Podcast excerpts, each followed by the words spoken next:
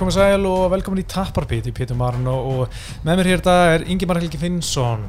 Velkomin. Takk hjá og Bjarki Jómarsson, velkomin. Jó Herðu, þetta er þáttur nummer 124 og uh, við erum hérna sjálfsög að taka upp í já, Baklandi uh, hérna í stúdíónu þar uh, gott að vera í hafnum fyrir góðar aðstæður og strákar, það er ekki sól úti. Það er gott að vera hérna mm -hmm. Ég var bara- svo stressað sko Þegar ég var að leiðninga þá var bara glampandi sól. Já, En svo hugsaði Bjarki sittur auðvitað já það er, er ógæslega að vera niður það er sól sko. Það það er erfið sko. Mhm. en ég menna síðast á fóstu úr fötunum yngi maður. Já. en þú ætlar að vera í fötunum í dag? Já, ég, ég var að bera ofan hérna á tímapunkti í, í sísta þetta Já, en við skulum halda þér í fötunum að, að þessu sinni sko. Skipti, já. Herðu, hef, þetta er eins og segi nummer þáttur 124 og UC 124 sögustund. Mhm. hvað haldið það hefur verið að gerast á desember 2010 Ég veit, ó, ég veit hvað næsta er þá. Já, Það var janúar þá, 125 Ég man alveg hvað það var. Uh, Ég var að gista með strákunum. Með eitthvað 14 ára eða eitthvað. Og horfa uh, Þarna uh, þetta er desember 2010 Já, þetta er eitthvað Ég ætla bara að hendi eitthvað Kane Velasquez eða eitthvað á múti, þú veist, Brock Lesnar. Það var samt kannski það var um daginn sko. Við já, ég- nýbúinu með það. ég var ekki 100 þá. Já, 123 Nei, ég veit þetta ekki. Ekki, bara neð, ekki nálægt í sko. Ok, ég ætla að gefa ykkur eina vísmyndu Þetta er einn stærsta stjarnan í sögu UC Ú, ok, já, þetta er GSB á múti Josh Kostiak Það er rétt, vel gert, vel gert.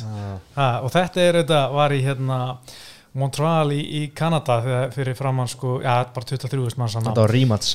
Já, GSB og Josh Kostick 2 og þetta var, veist, þetta var svona þeim tíma sem Josh Kostick var náttúrulega heitur sko, og Mhm. var með gott power og menn var að tala um að GSB það bara taka niður en Josh Kostick er geggja wrestler mm Mhm. menn voru svona alveg að tippa á Josh Kostick, hann geti alveg verið sá til þess að taka beltið af GSB svo kom GSB bara nýkomið frá Freddy Rhodes og djabbaði já. hann ídrast, hann bara Mm. braut auktóttina Mhm. í Josh Kostick bara með djabbi Þeir voru Já. þjálfarar sem Ultimate Fighter hana Já, það er rétt, já, það var algjör steik líka því að Já. ég man GSB var alltaf að spila eitthvað svona, svona uh, hugarleiki, Já. mind games Mhm. við Korsik og var að lá, sérstaklega í valinu var að pikka fætt, þá var Já. GSB alltaf með eitthvað plan og nokkur skrum undan, þetta var Mhm. geggjur sko.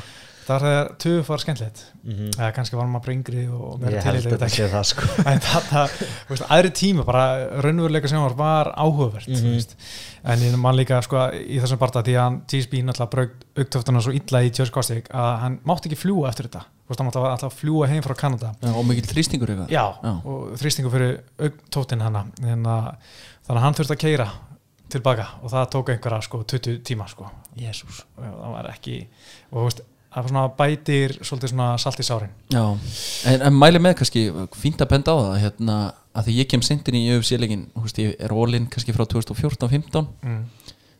fyrir þá sem er að koma nýjir og eru kannski svona tilduna nýjir kíkja á, á Fight Pass og hérna svona fræðast um. Þe- því ég hef gert það sko Það er Já. tekið Nate Diaz og GSP og alla þessa Og helstu ég sko. farið bara í Pride sko Já, heldur betur, kíkja á Rampage og vandalegi Silva þar sko, það var visla sko. En þessi karti var nú ekkit merkilegt. Það var bara, hérna, Jim Miller söppaði Charles Oliveira þessu kvöldi. Þetta var, þegar, þá var Charles Oliveira náttúrulega sem er núverandi léttundamestri þetta var hans svona fyrsta tap í, í, í USM-inum og hann hérna tók með nýbar eftir tvær myndur og þarna var sko Oliveira búin að vera sko, eins og skrítið að þetta sé bara tvær myndur að í minningunum var Oliveira bara svona þvílitt að elda hann að fara í söpinn sko. En Miller náði að tapa hann á móti sko.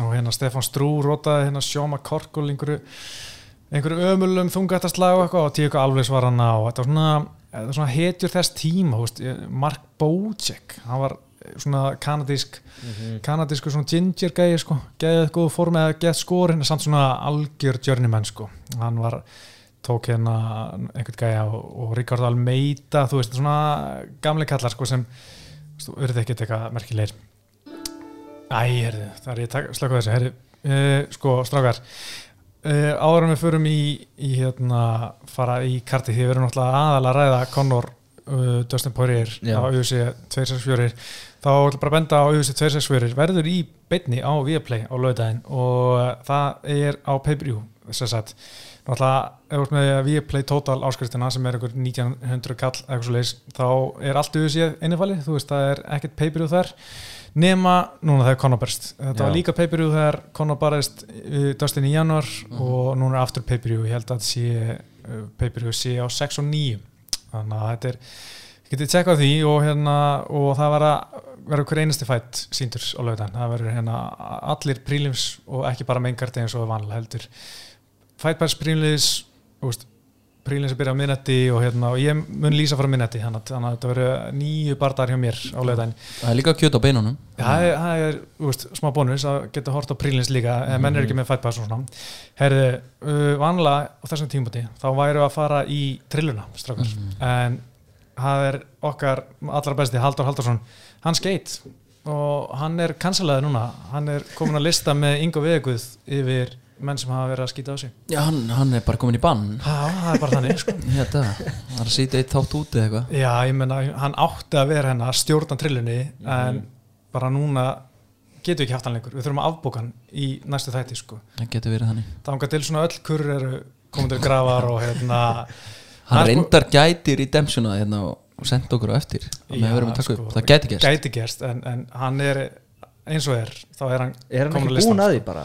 Nei, hann er bara ekki búin að gera það. Já, hann þykist vera einhver fjölskyldumæður og hafa öðrum skildum að gegna en Mm. að mæta hinga en, sem, en já, það er bara eins og það er. Uh, hann er kansulegar og er komin á listan svarta listan Svarta. En uh, svo er uh, sko, það er náttúrulega ekki búið að vera mikið í gangi í íslensku MMA sinunni síðustu árin og náttúrulega aðlóta COVID. Sko síðastu Íslendingarnir sem voru að berjast uh, voru sko, hvað er, februar 2020 í Skotlandi tveir stráka frá Reykjavík hann var enna Remig Dúta og hver var aftur með honum? Uh, manna ekki alveg, þeir voru að berjast í Skotlandi. Það er svona síðustu Íslendingarnir sem börðust. En Já. það verður breyting á því núna um helgina. Já, það eru þrýr mjölunistrákar að fara að keppa í hérna, Pólandi á Contender Fight Series yngstar í Pólandi og það er Daniel Olot sem er náttúrulega pólskur en búin að búa hérna í einhver 10-12 ár. Mhm. og svo er Aron Frans uh, sko Daniel Olot er 3-1 sem amateur MMA og það er gæði svona sem er alltaf gaman að horfa hann er, svona, hann er eins og Tyson sko, hann er lítill Tyson Já, sko. hann er að keppa í, í fjæðarveit eitthvað eitthvað svona 68 kilo catchweight Já, sko. catchweight. Og hérna hann kemur hann til þess að rota sko. og hann er ekkert að fara svona touch butt in a park sko, eins, og, eins og er stundu sagt hann er hann að fara að rota gæðan og ég er nokkuð sem að gerist á lögðan því að hann er búið með þrjá barða og ég held að allir hafi verið sko, rótöki í fyrsta lúti fyrir eitthvað snemma sko. Já. en hérna sjáum hvað gerist uh, hjá honum og svo er náttúrulega Aron Frans, hann er að fara að berja sem fyrsta barða sko. hann er búin að vera mjög duglur að æfa í, bara síðustu tvö ára eða svo, Mhm, svo já. og hérna leggja mikið metnað í æfingar og er að fara að berja sem fyrsta Emma barða, hann er búin að vera svona náttúrulega svo var svolítið mikið svona byrja rétt fyrir COVID. Síðan þá hefur hann náttúrulega ekkert getað kæft en búin að vera að keppa núna Mjölur Open og getið eitt bóksbarda á Mhm. dögunum og svona. Já, og fyrsti Emma bardaði núna, það var gaman. Og svo er Bjarki Eithors Mhm. sko, fyrsti barda hans síðan. Hann er náttúrulega bara 1-0 september 2017 Já. Ég var í hotninu einmitt, hann er ekki búin að berja síðan í september 2017, samt ekki hann Mhm. finnst manni eins og hann sé búið með svona alveg 5-6 barda. Já, en hann alltaf vann sinn barða bara í fyrstu lútu hann í ára 2017 og, og er núna uh, komin tölvert lengra sem barðamaður þannig að það verður áhvert að sjá hvað hann gerir uh, á lögdæðin þetta er í Pólandi og sko promótorinn ég var ekki að tala um daginn þetta er ná ekki það stort sjó hann að ég bara senda hann message sko hann og þeir eru alltaf að reyna að setja upp stream en þeir veit ekki alveg hvernig neti verður í höllinni. Þetta er svona að, er frekar low key kvöld núna því að Mhm. þeir veit ekki náttúrulega COVID, geta bara verið með eitthvað þú veist, 300 árandur eitthvað eitthvað Já. tæni sko, en svo ætlar að vera með starra sjó núna í, í haust og þá vonandi fleiri Íslendingar þar, Já. þannig að þetta er svona allt á uppleið í sinnunni hér heima og, allstæðar svona fyrir utan USA þess að í amateur og, uppbyggingunni hérna Mhm. Eh, þannig að það verður gaman að fylgjast með því og svo svona rétt árum fyrir mig USA, þá var Árni Ísaks legend, Já. hann vekk svartabeltið í ger Gekjað Mm. 23. Íslandugurinn til að fá svartabeltið í YouTube Gekja fekk svartabeltið af, frá Arnarni Frey What the hell, 2003 Já, Tjóður 23. margir. Það er crazy. Það er betur. geggjað. Herri, áður en við förum samt í uh, svona einn stærsta frétti sem hefur komið á síðustu dögum, það er USA ætlar að henda bara í einhvern bráðabræð titil milli Cyril Gane og Derek Lewis. Já, og það er ekki þrýr mánuðir síðan Engano vann titilinn af Stipe Miocic og ég bara, hva, hvað er að frétta hérna? ég veit það ekki þegar ég sá þetta, ég bara trúði þess ekki er, þrý mánuðir síðan rótaði stípi húst, hvað þarftu meira? það segir ykkur eitt já ég var að heyra þetta fyrst sinn núna Bjarki, ég er sko að followa allt á Instagram og er, ég, ég veit ekki hvernig það fór fram í mér Nei, þú verður að fara á twitter.com Mm. Það, Já, það fór það bara inn á Twitter eða? Nei, nei, Ég sé allt þar, sko. Já, ég líka sko. Uh, En, en sko, en gaf nú Rótar Stípe í, í lokmars Mhm. og hérna það var svona alltaf að tala um að hann og John Jones átt að berjast bara, þetta er bara að reysa bardagi Mhm. og allir er bara þvílitt pepp, bara enginn sem vil ekki horfa á það er enginn að móti þessu bardagi, með þess að Stípe er bara já, ég, ég er til í þetta, leiði honum að þeim að berjast og ég skal bara sitja á hliðinu og, og þeia, allir sáttir en svo hendur við sér í Derek Lewis og Cyril Gani Er þetta orðið offisjálega? Ég held það sko, Já, ok. okay. Deina Væti er búin að tala um þetta í viðtölum bara, það er svo, ég, ég var að lesa, lesa eitthvað kvót eftir hann á það sem var bara, við erum hérna að setja barða hver einasta lögutaskvöldi, if you don't wanna fight, veist, mér er alveg sama, við bara setjum við og það er svo ekta auðs í dag, þeim er drull, hverjir eru berjast, þeir eru bara, herri, það er hérna barðakvöldi í Houston í águst, við þurfum Derek Lewis þar, ok, setjum hann í tilbarðamöndi Engano, Engano bara, að ég er búin að vera hérna í frí í, í Kamerún að, þú veist, fara með beltið og hérna vinna í mínum hlutum eitthvað svona í heimalandinu minni, búin að vera að njóta aðeins að vera meistari, þú veist, ég var að vinna beltið hérna í mars, sko, lókmars já, og þeir bara, nei, það er annarkvæmst águst eða ekki, og hann segir bara ekki. Þá henda þér í bráða bara til með Cyril Gani, þú veist, já, þetta er svo mikið diss, sko. Mhm. þú veist, þú ert með meistara sem er bara 100% bara þú getur svo auðvitað að markasetta hann og selta hann bara sem bara gert mm risa stjórni, getur gert ógeðslega stóran barda Já. með John Jones núna. En einu bara, herru, við þurfum einhvern stóran í águst hendur bara í Cyril Gani og Dreglús Þetta er short-sighted svona. Mhm. það er alltaf niður á USA í dag sko. Ég velti fyrir mér hvort þetta sé einhver svona ángi af samningaviðra þú veist, við Engano og Jones þú veist, þeir sína bara, já, ok, við höldum bara fram með sjóið, mm, Já. mögulega sko af því að við höfum talað um hitt sko. Já. þannig að, já, ég velti því fyrir mér þetta er svolítið þannig á USA í dag þeir eru bara hvernig sjóma skoðan sko. það er, er, þetta er svo mikil skamsýn alltaf þeir tími ekki að borga fyrir stórupartæna og halda bara sínum veist, spilum, bara þetta að sér og hérna, spila bara póker og, og eru bara mjög harðir í sinni afstöðu, gefa sér ekki og svo henda er einhver bráðabræð tilbarta sem allir sjá í gegnum en mun bæta einhverjum pay-per-view við en aðalmálið er þetta að Derek Lewis verður á heimaðli í Houston sko. Já, líka hvað er þá næsta skref segjum bara Derek Lewis vinni Cyril sem ég er ekkert vissum að verði endilega er það þá bara Engano Derek Lewis? Já, bara þegar USA vill. Já, Þetta er þreytt sko. Já hvað, hvað um John Jones? Jones? Jones er reynda búin að segja að hann sennilega kom ekki fyrir næsta ári Já, hann er búin að vera að tala um það, hann vil Já, gefa þér þetta langa tíma Já, að- og já, ég er svo sem að geta eitthvað mjög spenntu fyrir því að hérna, það mun ganga vel John Jones, þó hann taka sér langa tíma sko. Nei, Nei og þú veist þegar hann kemur næsta ári þá bara hver er þetta? Það er allir múin hún sko. Já, sant sko, ég held að maður ekki næsta ári, gerir þetta bara í fucking höst eða eitthvað. Já, maður myndi nú helst vilja það sko en, en það er ekkert að fara að gerast með hérna, hvernig þetta er núna. En uh, það er bara sýningin heldur áfram mjög sig og, og sko núna er var ég að, Ariel að segja hérna, þetta er aðalan Hunter Campbell sem er svona lögfæraðingurinn í þessi hann er farin að taka sér fundi með fæturum og segja bara, ok, þá hendu interim til Deina Vætur svona hann sé bara svona sækja einhverja fundi bara að fá info frá Hunter en hann sé ekki eins og að mæta þessu fundi líka sko Nei. nú er þetta Hunter Campbell sem er svona aðal kallin í þessum samningavirðum sko, í stóru Já. nafninu sko. já, allan uh, Conor McGregor, Dustin Poirier strákar, þetta þið mættist náttúrulega í januar uh, þar sem Dustin Poirier rotaði Conor í fyrstu lótu og strax kom hann aftur en þetta var svona, þú veist við vorum alltaf vissir um að þetta væri er þið rímat sérna í sumar en það var svona pínu hættu þegar uh, Conor var hótað í bakka út úr þessum barða út af því að uh, Dustin Poirier var að sækja Conor um að borga ekki þessar 500 dólarar í góðgerðsamtökin sem hann Good Foundation já, The Good Já. Fight Foundation já, já. en þetta gerist, skilur við að búið staðfesta en, en fæsla skilur sér á endanum Já, en ég menna þetta var eitthvað svona eitthvað svona smá trastokkana Hvað var þetta hálf miljón dólar var, var það ekki?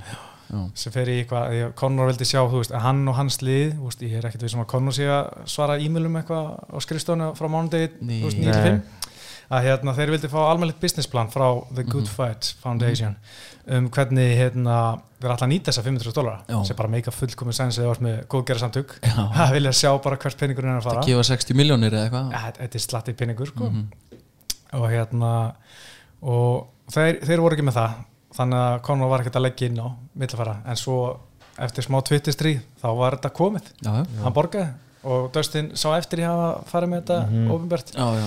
en hann borgaði og hérna og nú er og ég verð samtalið að segja líka þú veist, við hefum oft verið að tala um alls konar það sem Conor McGregor er að gera utan búrsis ásakaður um hitt og þetta og allt þetta en, en hann, við þurfum líka að tala stundum um góðu hlutina. Hann er búin að vera, hann gefur hérna 500 dólara í góðgerðsandug, hann borgaði fyrir einhverja öndrunumvelar fyrir Dublin spítala í COVID, kefti einhverja nokkra öndrunumvelar þar og svo var hann núna hann borgar allan ferðarkostnað og hérna keppnisgjald fyrir uh, sem sagt junior lið Írlands Já, Já. á hérna amatörmótið sem er núna í, í haust Mhm. eða í ágúst það er heldur vel gert, gott að Mhm. borga hann borgar brúsan bara, Já. tekur það, því að þetta er dýrt sko, kostar alveg einhverja 700 eurur keppnisgjaldi, Þú veist, Já. inn í því er hótel og einhver matur sko, Já. en þetta er alveg, kostar sitt sko, það er bara einhver 18 ára kappi frá Írlandi Já, og er kannski ekki endilega með 700 eurur líkandi hér og það sko. Algjörlega og líka bara hend um eitt í grasrótina sko. Já, nákvæmlega. Mjög flott. Það er flott. En uh, sko nú er, uh, já, það er miðjögunda stutt í bardaðan sko, hvernig finnst ykkur aðdraðandinn af þessum bardaða hafi verið svona með við svona, með við konnobarda Mér finnst það búið að vera tölvöld minna sko. Mér finnst svona vera búið að vera aðeins minna hæp og uh, kannski er það bara að maður er ekki einhvern veginn þú veist, ég er mjög spenntur fyrir þessum barða en maður hefur einhvern veginn uh, verið spenntari ég veit ekki af hverju það er þannig að kannski tekur maður ekki eins mikið þú veist, maður er ekki sjálfur að hæpa sig upp sko. en mér finnst vera búið að vera svolítið svona lítið í kringum þetta sko. ég held að sé ekki að sína mikið af Conor horfða countanið, hann sást í 14 sekundur eða eitthvað Mhm. í þú veist 30 mínúna þætti þannig að ég kannski er hann að taka ég vona að taka ekki rándur rási á þetta og vil ég ekki láta að tala við sig sko. Það er aldrei gott sæn sko. Nei, ég mæli hverja minn á þetta er sko hvort að þeir sem er ekki ólein í sportinu eða horfa á sporti viti af fætinum. -hmm. já, Ég held að það séu afar fá sem vita það já, sko. það er svona já, ég- er þá lögða Já, einmitt. Ég er það að því að það hefur oft verið hætt þú veist, Conor er bara eins og Tyson og þú veist að vissu allir að Tyson var að fara að berast á sín tíma. Þannig að já, mér veist, það er svona láteiða yfir allan að prómónu og svona börsin í kringum þetta en þú veist, nú er farið að stýttast og við hérna inni allir sem erum all-in í þetta vitum alveg aðeins og erum búin að telja niður og allt þetta. Og þetta verður ekki ekki Já, líka í Embedded, fyrstu tveimur Embedded, það var Conor ekkert í eina sekundu sko. Það er bara Dustin og Stephen Thompson og Gilbert Burns eitthvað, sko, sem er áhvert, ég veit ekki hann alltaf er búin að vera í einhvers veginn Kaliforni með kampið sitt fyrir eða allan síðustu daga og var eitthvað klippað hann að hann var að já, svona taka síðustu máltíðina og myndi fara til Las Vegas. Og Já, það kom eitthvað fullt af fólki hérna. Að peppa hann eitthvað sko. Þú veist, en, en maður er ekkert síðan eitt svona af honum í kampinu þannig sé sko, veist, einmitt ekki mikið í hérna countdown uh, embedded. Svona smá uh, svona eins og hann sé ekki nenna að taka þátt einhver prómóðu núna sko. Nei. en ég er sann spenntari núna fyrir Conor Dustin heldur en senast Aha, já, aha. bara því að þú veist það er 1-1 og þú veist Hlakkaði til að sjá adjustmentin Já, Já, ég Conor, er spenntur að sjá hvernig það fer núna eftir hvernig það er svo stutt síðan þau börðust hvað verður gert sko. Já, ég held, að, ég held að fyrst og fremst þetta bara reynir Conor að kannski heimitt breyta leggstansinu, hann var Já. mjög hefi á frontlegginum minnum minn síðast. Já, ég vona og þú veist, Dustin bara hakkaði Já. hakkaði löpina, Mhm. bara skemmt hana. Árum fyrir að tala svona um, um bardaðan sjálfna þá hérna langum aðst að tala um svona trastöki, ég meina síðast, fyrir síðasta bardaðan var allir að tala um, Conor var svo næs hann var bara ekki að spila þess að huguleiki hann var bara ógæslega humble og respektful og, og ég myndi að gefa í góðgera sjó mm Dustin Poirier og mönnum fannst að vera svona aðeins of næs, svona óþægilega næs og ekki búið að vera mikið að segja núna en svo allt í einu núna þessari viku er hann aðeins að koma hann byrti hann einhverja mynd á Twitter af, af konuna stöðstina slæringin DMs og senda honum einhver message á Instagram sem var ekkert, kom ekkert fram hvað hva skilum á voru en ég reikna með að hún hafi verið að senda honum út af eitthvað The Good Fight Foundation því hún vist sér um það, þau Já, sko, fyrir já, Dustin. og svo var þannig að Conor byrti eitthvað mjög skrítið svona voice message. Það var eitthvað svona Dustin eitthvað svona, svona eitthvað creepy rödd. Ha, ég Sá það ekki? ég Nei, ég var það ekki. ekki Ja, mjög fyrirlegt, þetta er svona típist eitthvað svona Conor hefur verið á klóstinu eitthvað svona, tekur voice message bara svona gríni og setur á Twitter og þú veist, það verður eitthvað þeng en, en það var mjög Já, skrítið líka sko. fíla Þú veist, en fyrir utan það er ekki búin að vera eiginlega bara mjög lítið Mhm. þú veist, frá báðum og einhvern veginn svona fyrir utan, já, kom náttúrulega í apríl svona við vorum að kýtast út af þessum, þessum 500 skalli hérna. En síðan þá er svona mest lítið verið að gera svo Já. náttúrulega blaman fundur á 50 daginn Já. þá var spurning hvernig verða hvort Geti að komið sprengið þar. Ég geti alveg trú að Conor verið aðeins svona fara að kýtast í, í Dustin og, og Dustin svarar en ég veit ekki hvað er að fara að segja núna því að hann alltaf rótaði síðast. Já, Já, ég mitt var að- á leiðin hingað að vera að hlusta á hérna eitthvað svona timeline heitir það. Já. hafið hlusta á það?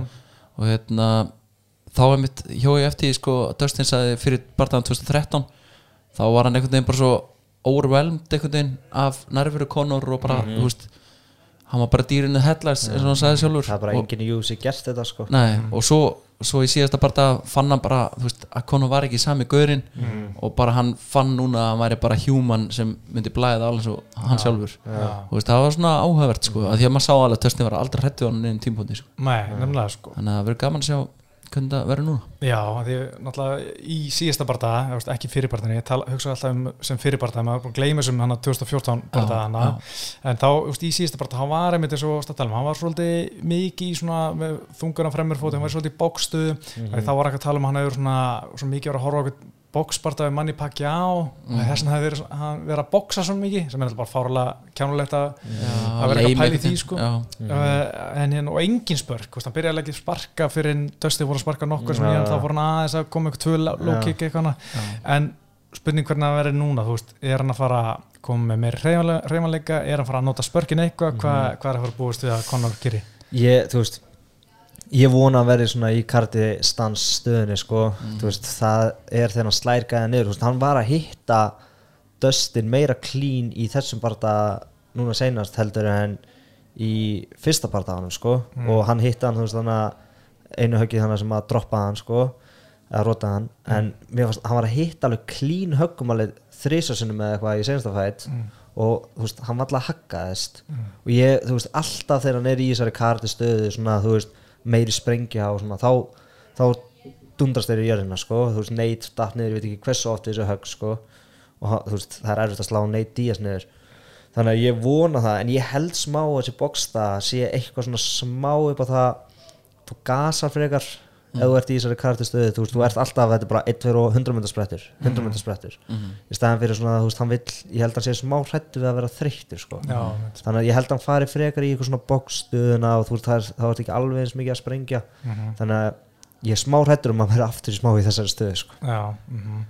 ég get alveg trúið líka sko, en kannski þarf hann ekki að vera kannski getur hann komið aðeins meira nýtt úst, hann getur sparka meira sjálfur því að spörkin virku, hann er alveg góð spörk og líka svona notar vel til að setja upp höggin, þú veist, það er svona að fá uh, Dustin til að hugsa um eitthvað annað en höggin mm Mhm. -hmm. nefa höggin þar sem að hérna sparka meira og hérna maður svona sér að það getur verið gott vopn en, en líka þú veist að hann þarf að vera með eitthvað nýtt gameplan Já. gegn þessu ég, Nákvæmlega. meina, ég var Dustin bara, gera bara nákvæmlega saman síðast Nákvæmlega. ég held að Dustin sko taka hann aftur niður líka þú veist, það er svo gott gameplan alltaf þegar hann er tekin aðeins niður og hann þarf að standa upp og þú veist hendunar og hann verður þreyttur í bæði löppunum og höndunum og svona aðeins að grænda á honum sko, ég held að hann reyni það aftur en ég meina þú veist, Conor er búin að banna honum að taka sér niður, þú veist, þegar hann það líka, þegar hann sagði hann að sá sem tekur sá sem er fyrstur að taka hann niður er eitthvað Já, first, first one to shoot is a dusty bitch. Já, já, það er bara svona mér fannst það svo mikið tap það er svona eins og þegar við vorum í fótboltar og litlir og það er svona, bara að dundra. Eitthvað svona, þú veist, þetta er bara þú veist, það er fárólegt að hann sé að segja þetta bara, og samt er hann alltaf að segja hann sé að þú veist, all around mm, þú veist, martial artist og eitthvað svona já. eitthvað að segja þetta, þú veist, já bara Mér finnst það skrítið sko. Veist, Já, það er svona, það er svona eins og sér ekki, please ekki þú veist, það er bennið, þú ert aumingi og tekur mig niður. Eitthvað svona, ég, come on þetta er svona svona óryggi Já, Já. rauninni, sko. Dustin sagði það einmitt, hún fannst þetta líkt Já, eins það, og já. óryggi sko sem Já. bara er alveg nokkuð rétt svona vel rétt metið Þú ert ekki að segja þetta fyrir einhvern Já. MMA hann sagði líka að Dustin bara sá sem er tekin niður er Dusty Bitch Já, eða eitthvað já. svona mér finnst það gott sko. Já, ég meina, þú veist, ég held að þetta sé bæðið það að hann er hrættur, hrættur alveg við Dustin í wrestlingunum, ég held að Dustin sé aðeins betri þar og ég held það allavega, ég, þið kannski vitið það betur en svo er hann hann er alltaf með þetta í, held ég svona baku eira sko að það er þetta conditioning sko, hann sé hrættur um að gasa. Að, sáum það í meiri samúti Diaz í bartaða 2 ég meina það var bara ég veit reyndar ekki hvernig það kom tilbaka í lóti 4 og 5 munið eftir því? Já, svona fekk svona se- second wind Já, það var ótrúlegt því að ég sem Nate Diaz maður var farin að fagna þannig í þriðlóti sko, þetta var bara búið. Já, en hérna, ég held að hann sé svolítið hrættu við það. Já. Já, Ég held að það sé svona mjög stað saman með OSP Mér finnst það að vera ógæslega hrættur að vera, vera, vera þreyttur. Mm -hmm. Það er svona stærsti ótið og náttúrulega eins og bara rútin sagði veist, það er bara versta tilfinning í heimi finnur þú þreyttur í barða það var bara fuck, mm -hmm. það var það bara búið sko, Já. finnst mörgum sko. Já, er bara í lóti 2 eða 3 eða það eru tímyndur eftir, kortur eftir. Einmitt, sko. Það er náttúrulega bara skelvilegt sko. Mhm. en sko eins og Dustin Poirier í síðasta bara hann tók hann niður eftir 30 sekundur sko, Mhm. og hérna maður sá það svona eins og þá var eins og Dustin var ekkert að búast við sko. Mhm. Eða eins og Conor var ekkert að búast við eins og teiktanir sko. og hérna mér fannst líka sko bara Dustin hann lendi eða öllum spörkunum, bara vild bara hann leiða bara að sparka kálu hann hitti í hvert einasta spark og mér fannst líka að hann Dustin geta svona hann fekk eins og sagðir nokkuð góð högg í sig Mhm. í, í þessum bara dag en ég held að hann hafa svona fundið bara, herri, ég get alveg tekið við Þú veist, já. og ég held að það hefur svolítið svona bara sjálfstæðstu bara. hans hafi Já. bara svona, já, einmitt já, komið honum svolítið áfram bara, ég Já. get tekið þessu högg sko. Mhm, og mest það áhvert að svona, en veist, ég horfði aftur á hann að barta á hann og ég meina, Conor var að lenda fínum fínu djabbi, það var fínt og þessi lít upprökað sem hann kemur átt með hann var, hann var að lúka vel sko, en hérna Dustin minna stóð allt af sér og mest hann aldrei vera svona mjög illa vangaður en, Já. en, en Conor hitti og hérna getur alveg hitt aftur mhm, og hérna, ef maður fannst svona eins og sko, Dustin leið vel í svona bóksfélag mm Mhm. það var hann bara, Já. herri, ég þarf ekki vera ég það, það, hef ekki það miklar áhyggjur af þessu en kannski eins og síðast í fyr- fyrri barndanum þá hérna var, var þetta svona pínu í sparkfjarlað og Dustin þurfti stundum og svona að það er með að loka fjarlæðinu Mhm. Já, þá að það er kannski spurning hvort að Conor geti haldið þessu betri í sinni fjarlæð með Mhm. spörkurum með svona, það er komið sér hlýðaspörk framspörkin í skrokkin eins og gerum við Chad Mendes. Uh, ég er svona alveg nokkuð spenntið fyrir að sjá hvað hva Conor ætlar að gera vel því að, að gera betur og gera nýtt til að komast í gegnum þetta því að eins og við töluðum um eftir síðast bara þetta kálvarspark er svo deadly því að þú getur bara tekið svona 2-3 þannig þá var bara kálvin svolítið farin þetta er pínlítið kjöt það er ekki mikið til þess að þú ert bara búinn já, í kálvarum eftir þetta er svona einhver taug og bara getur ekki stíði fótinn sko. En samt, þú veist, hristaða bara þér tjók Já, ég held, ég held að líka bara Dustin, ég held að Dustin kom bara sipað til leiks, ég held að hann muni bara, þú veist sjá hann bara hvað hann gerir. Já, svolítið þannig, sko. Þú veist, ég held að Dustin sé bæði til í stríð. Já, hann hefur sínt það náttúrulega oft áður. Og ég meina ef hann sér að Conor er ekki búin að breyta hann einu þá verður hann- örgulega bara ánæður sko. Mm. já. Já, ég meina við líka tölum um að síðast að hérna að því að þetta kálvarspark er búin að vera svolítið í tísku í síðustu 2-3 ár og Conor sem talaði um eftir blamanhutin hann hafði aldrei lent í þessu, aldrei fundið fyrir þessu Já. og er bara svona, segja það ekki svolítið mikið, mikið hvað hann er búin að vera veist, ekki Já. in the game bara síðust ára, hann hefur ekki upplýðað þetta. Nákvæmlega. Þegar þú veist, þetta er búið að vera að gerast uh, hver einasta karti núna sko, og hérna, en nú er spurning að þetta er fyrsta sinn sko síðan, ég held bara 2017 eða 16 sem hann berst tvisur einu ári. Hjemma og þú veist, þetta er stiðsti tímin og milli barða í honum núna Mhm. bara síðan með 2016 hann tók hana Nate Diaz og, og hérna Eddie Alvarez. Mhm. hann er búin að vera mjög lítið svona, þetta er eitt barða ári og allt þetta. Hvað var það? August Nove ish? Já, akkurat, ákvæmst nú í hérna 2016 Mhm. þannig að það er spurning, úst, hann var að tala um hann var að ríka síðast, núna úst, það er ekki í aðsökur, hann, er spurning hvort hann veri eitthvað meira Já. eða hvort þetta sé bara svona pínu búið, skilur sem Já. topp 5 elitu létt þetta maður. Já, núna er til dæmis hvað, hálft ára milli barda, ég meina Nei, hálft, jú, hálft ára milli og hann hefur enga afsökun núna til þess að vera eitthvað out of the game. Nákvæmlega. Ég meina það er ekki, það mun enginn kaupa það. Nei, Þannig að það verður gaman að sjá einmitt hvort hann kom bara fresh og kannski Já. kemur hann okkur óvart, ég veit það ekki. Nákvæmlega. Mm það er líka svona aðal spurningi sem uh, venn eru með fyrir hennar barða er svolítið svona, eða sem við kannski erum svolítið, svolítið mikið pæli, er kampið veist, Mhm. með hverjum er hann að æfa Þú það er sem ég mest ráðgjur af sko. Já, það veist, við, Gunni fór ekki út í kampið hans til hérna Las Vegas eða hérna Kaliforni þar sem hann var. Við vorum eitthvað svona aðeins að vonast eftir í sko. Já, en ég held bara svona að gæðina sem er þar séu ekki eitthvað að sko, Nei. Conor er besti gæðin í kampinu sem er vest mm, og þegar hann æfir með Gunna þá er Gunni besti gæðin og Conor rétt eftir honum. Mm, bestu fætanar hans uh, Connors hafa verið þegar hann er að æfa með Gunna. Af því að þá er Gunni bara veist, þá mæti Conor æfingu og veit að hann er að fara á mútið gauð sem er betur en hann. Þannig að þú veist þá þarf hann að pussa sig. Það er miklu, þetta er alveg kósi þegar þú ert bara gæðin sem er að lemja allir í gíminu sko. Já. það er það sem ég bara svona smá sorglegt að fræðasta MMA fæturinn er bara með alla penningana já, og er með eitthvað svona þú veist, þú, enginn í bandaríkjunum getur nefnt einhvern af þessum æfingafélum hans eini sem maður veit um er Peter Quilly. Já. og hann getur púsa Já, konur hann hann, getur hann, sko. er gott þól Já. og hérna, er grjótharður og, og bóknar ekki skilur en, hérna, en hann er kannski ekki strækir á borði Dustin Poirier, bara langt frá því sko, og hann er ekki einu meina Dustin er, er sáþbóð ekki? Jú, og Peter Quilly er ekki sátt på hann er ekki að þú veist, maður veit ekki alveg svona móti hverjum hverjir eru hann að mótunum og þú veist það sem Mhm. svona maður heyrt skilur er að þetta sé bara einhverju krakkar sem hann er að berja sko, Já. til þess að sjálfstyrsti hans fari upp kannski fekk hann einhver ja, sátt på boxara hann inn eins og hann var að gera þegar hann fór á mútið Nate Diaz nummer 2 sko. Já, en þá, þú veist, þá var hann ekki á þeim stað sem hann er í dag, sko, þá var þetta ennþá grænd að verða, þú veist, Mm. besti gæinn, sko. Og þá var hann ekkert að græða að, þú veist, þá var hann að fá bara einhverja nokkra millur og var ekkert orðin það sem hann er í dag, sko Nei. þannig að núna kannski er hann svona nenni ég að vera að fá einhvern hellaðan sátt på boxarina inn hlýta að geta gert þetta svona aðeins meira kósi, Já, einmitt, maður er svona en maður veit ekki, sko einmitt, maður er ekki búin að sjá svona neitt, einhverja svona gæja vera komin í kampi sem bara hérði þessi hérna, Mm. eða hérna og hann er ennþá bara með kafanaka, eða ekki? jú, jú, jú, jú. kafin er hann á hjá honum Já. þannig að já það er þetta er eitthvað sko með þetta kamp maður, maður veit ekki neitt og ég var að reyna að sjá eitthvað maður sá að hann fara bara í eitthvað ísbað sko. Já mm. maður er ekki búin að sjá neitt meira en það sko í Nei. þessu kantani sko. Nei, ekki búin að sína neitt mikið hann sjálfur heldur frá sínu Instagram Nei. með eitthvað McGregor Fast programmi sitt og eitthvað þannig sko. Og hann að hjóla, hann er alltaf að hjóla eitthvað sko. En hérna, en svo líka sko með svona tengslu um kampið og, og barðana var alltaf að vera að tala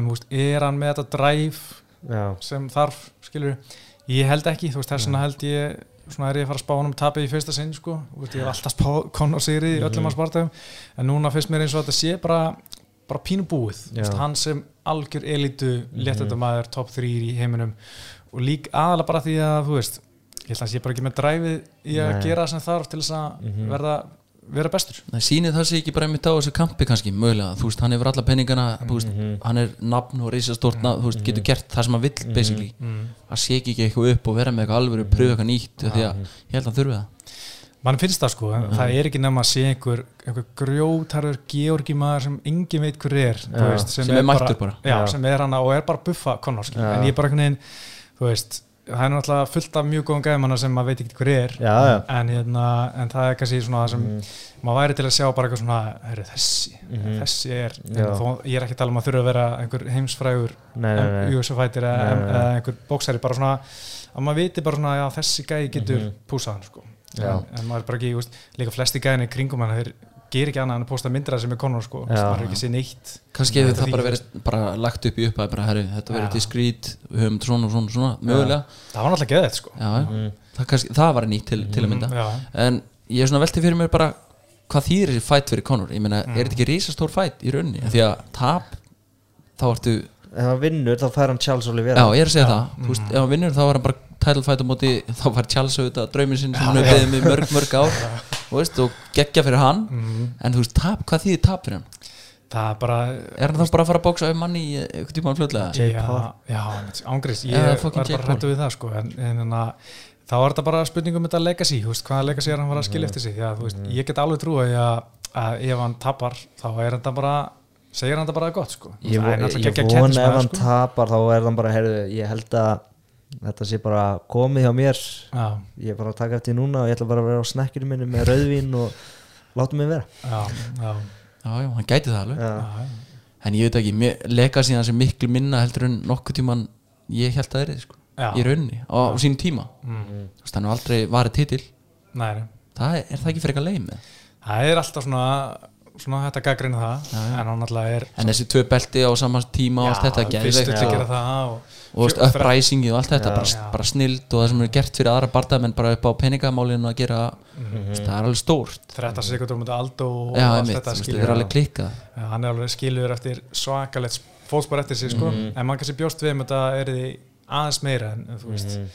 en það er bara eins og það er ég meina, og ég meina þó hann, hann er hvað 30 og, og hérna 20 ára eða hvað 33 núna bara en í 88 mótil Já, hann, er- var bara ammali eftir viku. Hann var 33 eftir viku. Já, En þá hérna, það var einhver veislega það sko. Nýbúum barða, ammali og allt Já, já. er blasta. já, en sko þannig að hann er ekkit gamall sem íþróttumæður en bara mann finnst svona að ég eins og áður tala um að hann er kannski ekki alltaf vera að lifa eins og einhver hérna, kórdrengur sko að, Nei. hérna, að, að það tæki sinn tolla á hann sem íþróttumanni og, Já, getur verið og svo líka bara, þú veist, er ekkit við sem að skipti öllu máli, það er bara þetta dræf, þú veist, eins og mm -hmm. tala um, þegar hann þegar hann móti blæs, þá svona kóðnar svolítið mikið, þú veist, það vantar svona herðu, svona fætingin í hann sem Já. var á móti Tjad Mendes og hérna, Ney Díaz setnibartanum að þú Mhm. veist, þegar e, það er eitthvað sem Mhm. kemur á móti þá getur Nákvæmlega. þú Mhm. ítt tilbaka, sko og ég er mjög spenntur að sjá hvort það verði í þessum fætt svona já, hann ennir ekki lengur Man, mér fannst það að vera smá þannig í senasta fætt sko. mm. bara svona aðeins vera að lemja hann og hann bara, uh, þú veist, nennir sér ekki þú veist, ef hann væri þú veist, eins og hann fór með til Jab Mendes skilur Jab Mendes tók hann niður og olbúð hann á fullu og tók hann aftur niður og eitthvað svona þú veist, maður ég, sá með þess að þegar hann var á bottunum þá Já. og hann var alveg saman hann var bara að hlæja og horfa á hann bara, þú veist, ég er ekki að fara að tapa hennar Það var bara leiður stóð upp hann þá bara mm, hann er ekki, var ekki komið titil hann að neitt Nei, nei. Hann er bara, ég, þú veist, maður sá það bara í treiningkampinu, maður sá það í bíómyndinu þú veist, þessi hann með sliti bara- crossband skilur já, og- hann var bara sjúkur sko. Já. og þegar hann sagði bara, þú veist, hún var alveg sama þú veist, þetta Chad Mendes og Hosea Aldo hann að Mhm. bara, maður finnur alveg, þú veist, núna er ekki alveg það er þetta ekki sama svona ára það er líka erfitt að halda því ég held að sé bara, þú veist að vera fokkin milli og bara vera bara, þú veist, þú ert komið með þetta allt sem þú varst að reyna að ná í sko. Mhm. náttúrulega búin að selja sinn hluti í hérna Propa 12 Mhm. fekk, hvað var þetta einhverjir 300 miljón dólar já, fáralegu penningu sko veist, hann bara, lang, eh, bara hann er, hann var, var hann ekki nummer eitt á hérna íþróttamaður heimi. í- Nei, þú veist, tekjuhæsti á þessu á þessu tímabili. ári er það eða? nei, já, Nei. bara á á árun á árinu, það er mest af öllum þessum mm. Mhm. Og það var sko, held ég, 90% bara þessi tekjur utan Mhm. búrsins eða utan leiksins, En að, þannig að það var, gaf ansi vel, sko, en, en sko, náttúrulega við tölum um ef, ef Conor vinnur Mhm. Á farin titilbarta og ég hugsa að það væri svona frekar auðveldar samninga viðröðar fyrir auðvisi bara hérna Olivera, bara bara- hvenar hérna, bara hvenar sko. Já, þú ætti að mæta núna, bara já, ekki máli bara, bara, ég skal gera frítt starfsmann, ég ætla bara að fá eh, Conor já, og Conor bara, veist, það er alltaf smá við, samninguður en þetta verði ekkit mál. Nei. en ég velti fyrir mig sko Dustin, hann sagði nei við titilbarta vildi freka fara í Money Fight Mhm. við Conor og ef hann vinnur verður þetta, verður þetta erfiðar samninguður er að fara að sjá eins og hjá Engano þú veist, UFC vill bóka Dustin Poirier og Charles Oliveira. Dustin vill ákvæmna uppæð UFC segir nei, Charles Oliveira mætir Justin Gaethje. Já, vá. Já, þetta getur gæst sko. Líka Dustin er auðvitað að fá þú veist, hann har aldrei fengið jafn mikið og núna í þessum töfum fætum. Mhm. þú veist, ef Dustin vinnur á, á lögudaginn þá var hann bara svo mikil vinnur því hann auðvitað, titillin var alltaf það sem alltaf ná og Já. hann enda á vekk hann á móti Khabib. Svo hefði hann getið fengið titilfætt Mhm. tekur frekar kessið þú veist, tvo, að því hann veðjar á að vinna barða tvö og fær þá, hann vissi að hann myndi fá trilogíuna það er bara endurasta penning með því og bara þú veist, reputationi through the roof.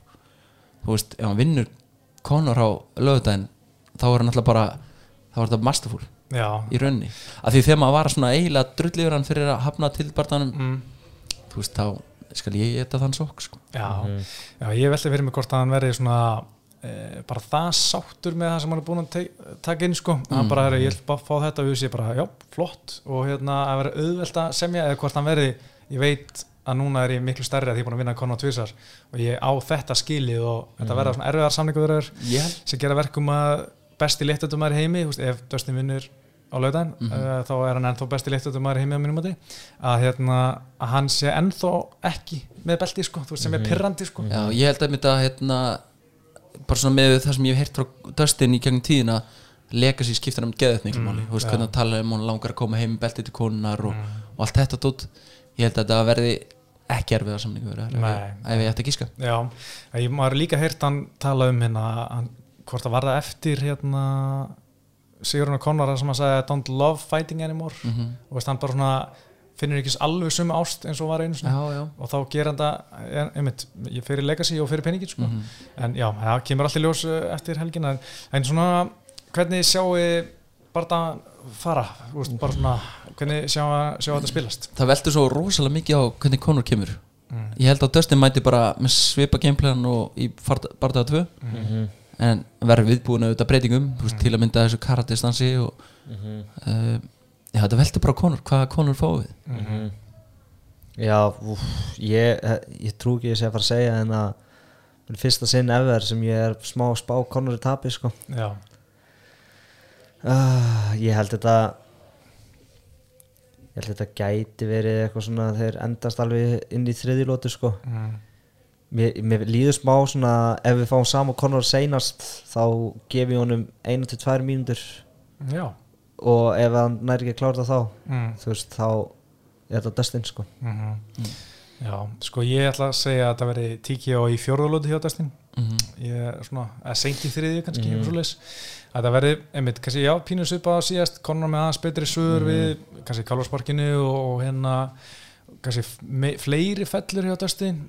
Veist, og þetta verði svona gerist meira heldur en svona, þú veist, ekki að síðast það var leðlur að gerist meira svona vítt og breytt mm Mhm. veist, fellur, skrambul í gólunni þetta verði bara hörku skemmtilegt en einhvern veginn svona, þú veist, svo byrjar Conor að fjara hans út Mhm. Dustin tekur yfir og klárar þetta.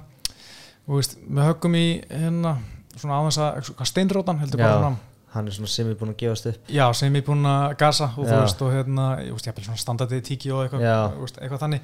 Þannig ég, eins og segja, þú veist, ég hef aldrei tippað gegn Conor, sko og meir fyrir KB barðan, Mhm. hef allan tíman þegar sá barðaði bóka bara, já, KB ber taka Conor, síðan sá ég bara viðtölu við Conor, sá bara hvað hann var fucking ógeðslega einbætt og bara sá Mhm. Já. eitthvað vídeo úr kampinu og var bara, þá skipti ég um skoðun Já. ég held að Conor væri bara, he's back, sko og, veist, og þá bara all, var ég alveg 100% seldur á Conor myndi Mhm. hann var rota. líka ekki að koma basically að tapi þá. Hann var að koma eftir Eddie Alvarez það var senast með maðurfættin hans.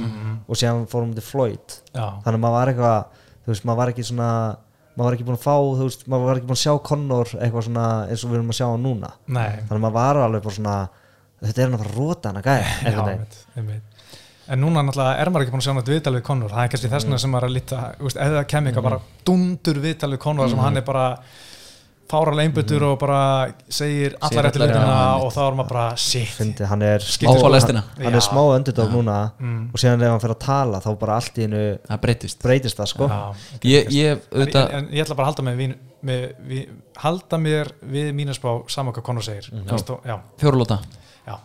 já, ég auðvitað hef spáð Conor tapi á móti neitt sjálfsögðu. Khabib auðvitað. Og mér minnir meiri segja ég, ætla, ég held ég hafa gert það á móti Eddie líka já, ég, hérna, ég náttúrulega er fórsprakki hérna, Nate Diaz og Khabib klúbana á Íslandi. Held hérna, ásættíðinar í kústaskáp bara já, einn, já, það kom enginn. Þannig að ég, ég hef verið svolítið hérna, einn á móti fjöldanum alltaf þegar að Conor er að berast svona þessa stærstu fæta. Um, ég held að Dustin vinna. Ég ætla svona þriðu lótu þriðu, já ég ætla að segja þriðu bara. Ég ætla líka að spá aftur þar sem við heldum báðir að John ætlaði, að þegar John gaf honum brúnabeltið þegar hann rotaði Dustin mhm, og við heldum að þegar hann rota núna Dustin þá fær hann svartabeltið já, ég er að spá að hann hann er auðvitað vonast þess að hann klára hann aftur og ætlar að gefa hann svartabeltið núna sko. Ef að Conor vinnur þá ætla ég að spá að John komi með mhm. svartabeltið sko. er það salt í sári fyrir Dustin? Nú þekki ég þetta ekki. Var- er það eitthvað þannig, eða? Nei. er þetta er bara, þú veist þetta er svona hann að gefa hann eftir treynikampi þú veist, að þetta er náttúrulega ekkert svartbelti, nei, brúnbelti fyrir að rota eitthvað sko. nei, nei, Nei, nei, ég er að velta bara fyrir mér þú veist að gera þetta tvisar á mótorum skilur, er þetta eitthvað eitthvað jab? nei, nei, nei, það er nei, ekkert þannig. alls ekkert þannig. Mhm. ég get alveg líka bara eitthvað, þú veist hann söppar Conor eða eitthvað. Já, já. Komnir í þriðjulótun eitthvað í gólfið sko. Mm, já, ég er alveg sammála í sko. Eða svona standandi gíotín upp í búrið. Það er, það er neyðalegt Ég bara, ég hef séð Dustin fara svo mörg stríð, þú veist, Hooker, Gaethje, Eddie, Já, þú veist, ég bara einhvern veginn sé ekki fyrir mér einhvern veginn ef þetta fer lengra en einmitt bara þriðalóta, þú veist, ef þetta fer inn í þriðalótu, Mhm. þá held ég bara easy Dustin, sko. Já. Ég held að Conor fer ekki svona, jú, hann gerði þetta á móti neitt þarna í barða 2, en ég held að Dustin sé svona different animal að einhverju leiti, Já, já, svona, þú veist, meira, þú veist, það er bara einhver meira orka held í því, sko. Þannig að ég, bara ef að Conor klárar þetta ekki í fyrstu tveim, þá er þetta bara búið fyrir hann. Mhm, já.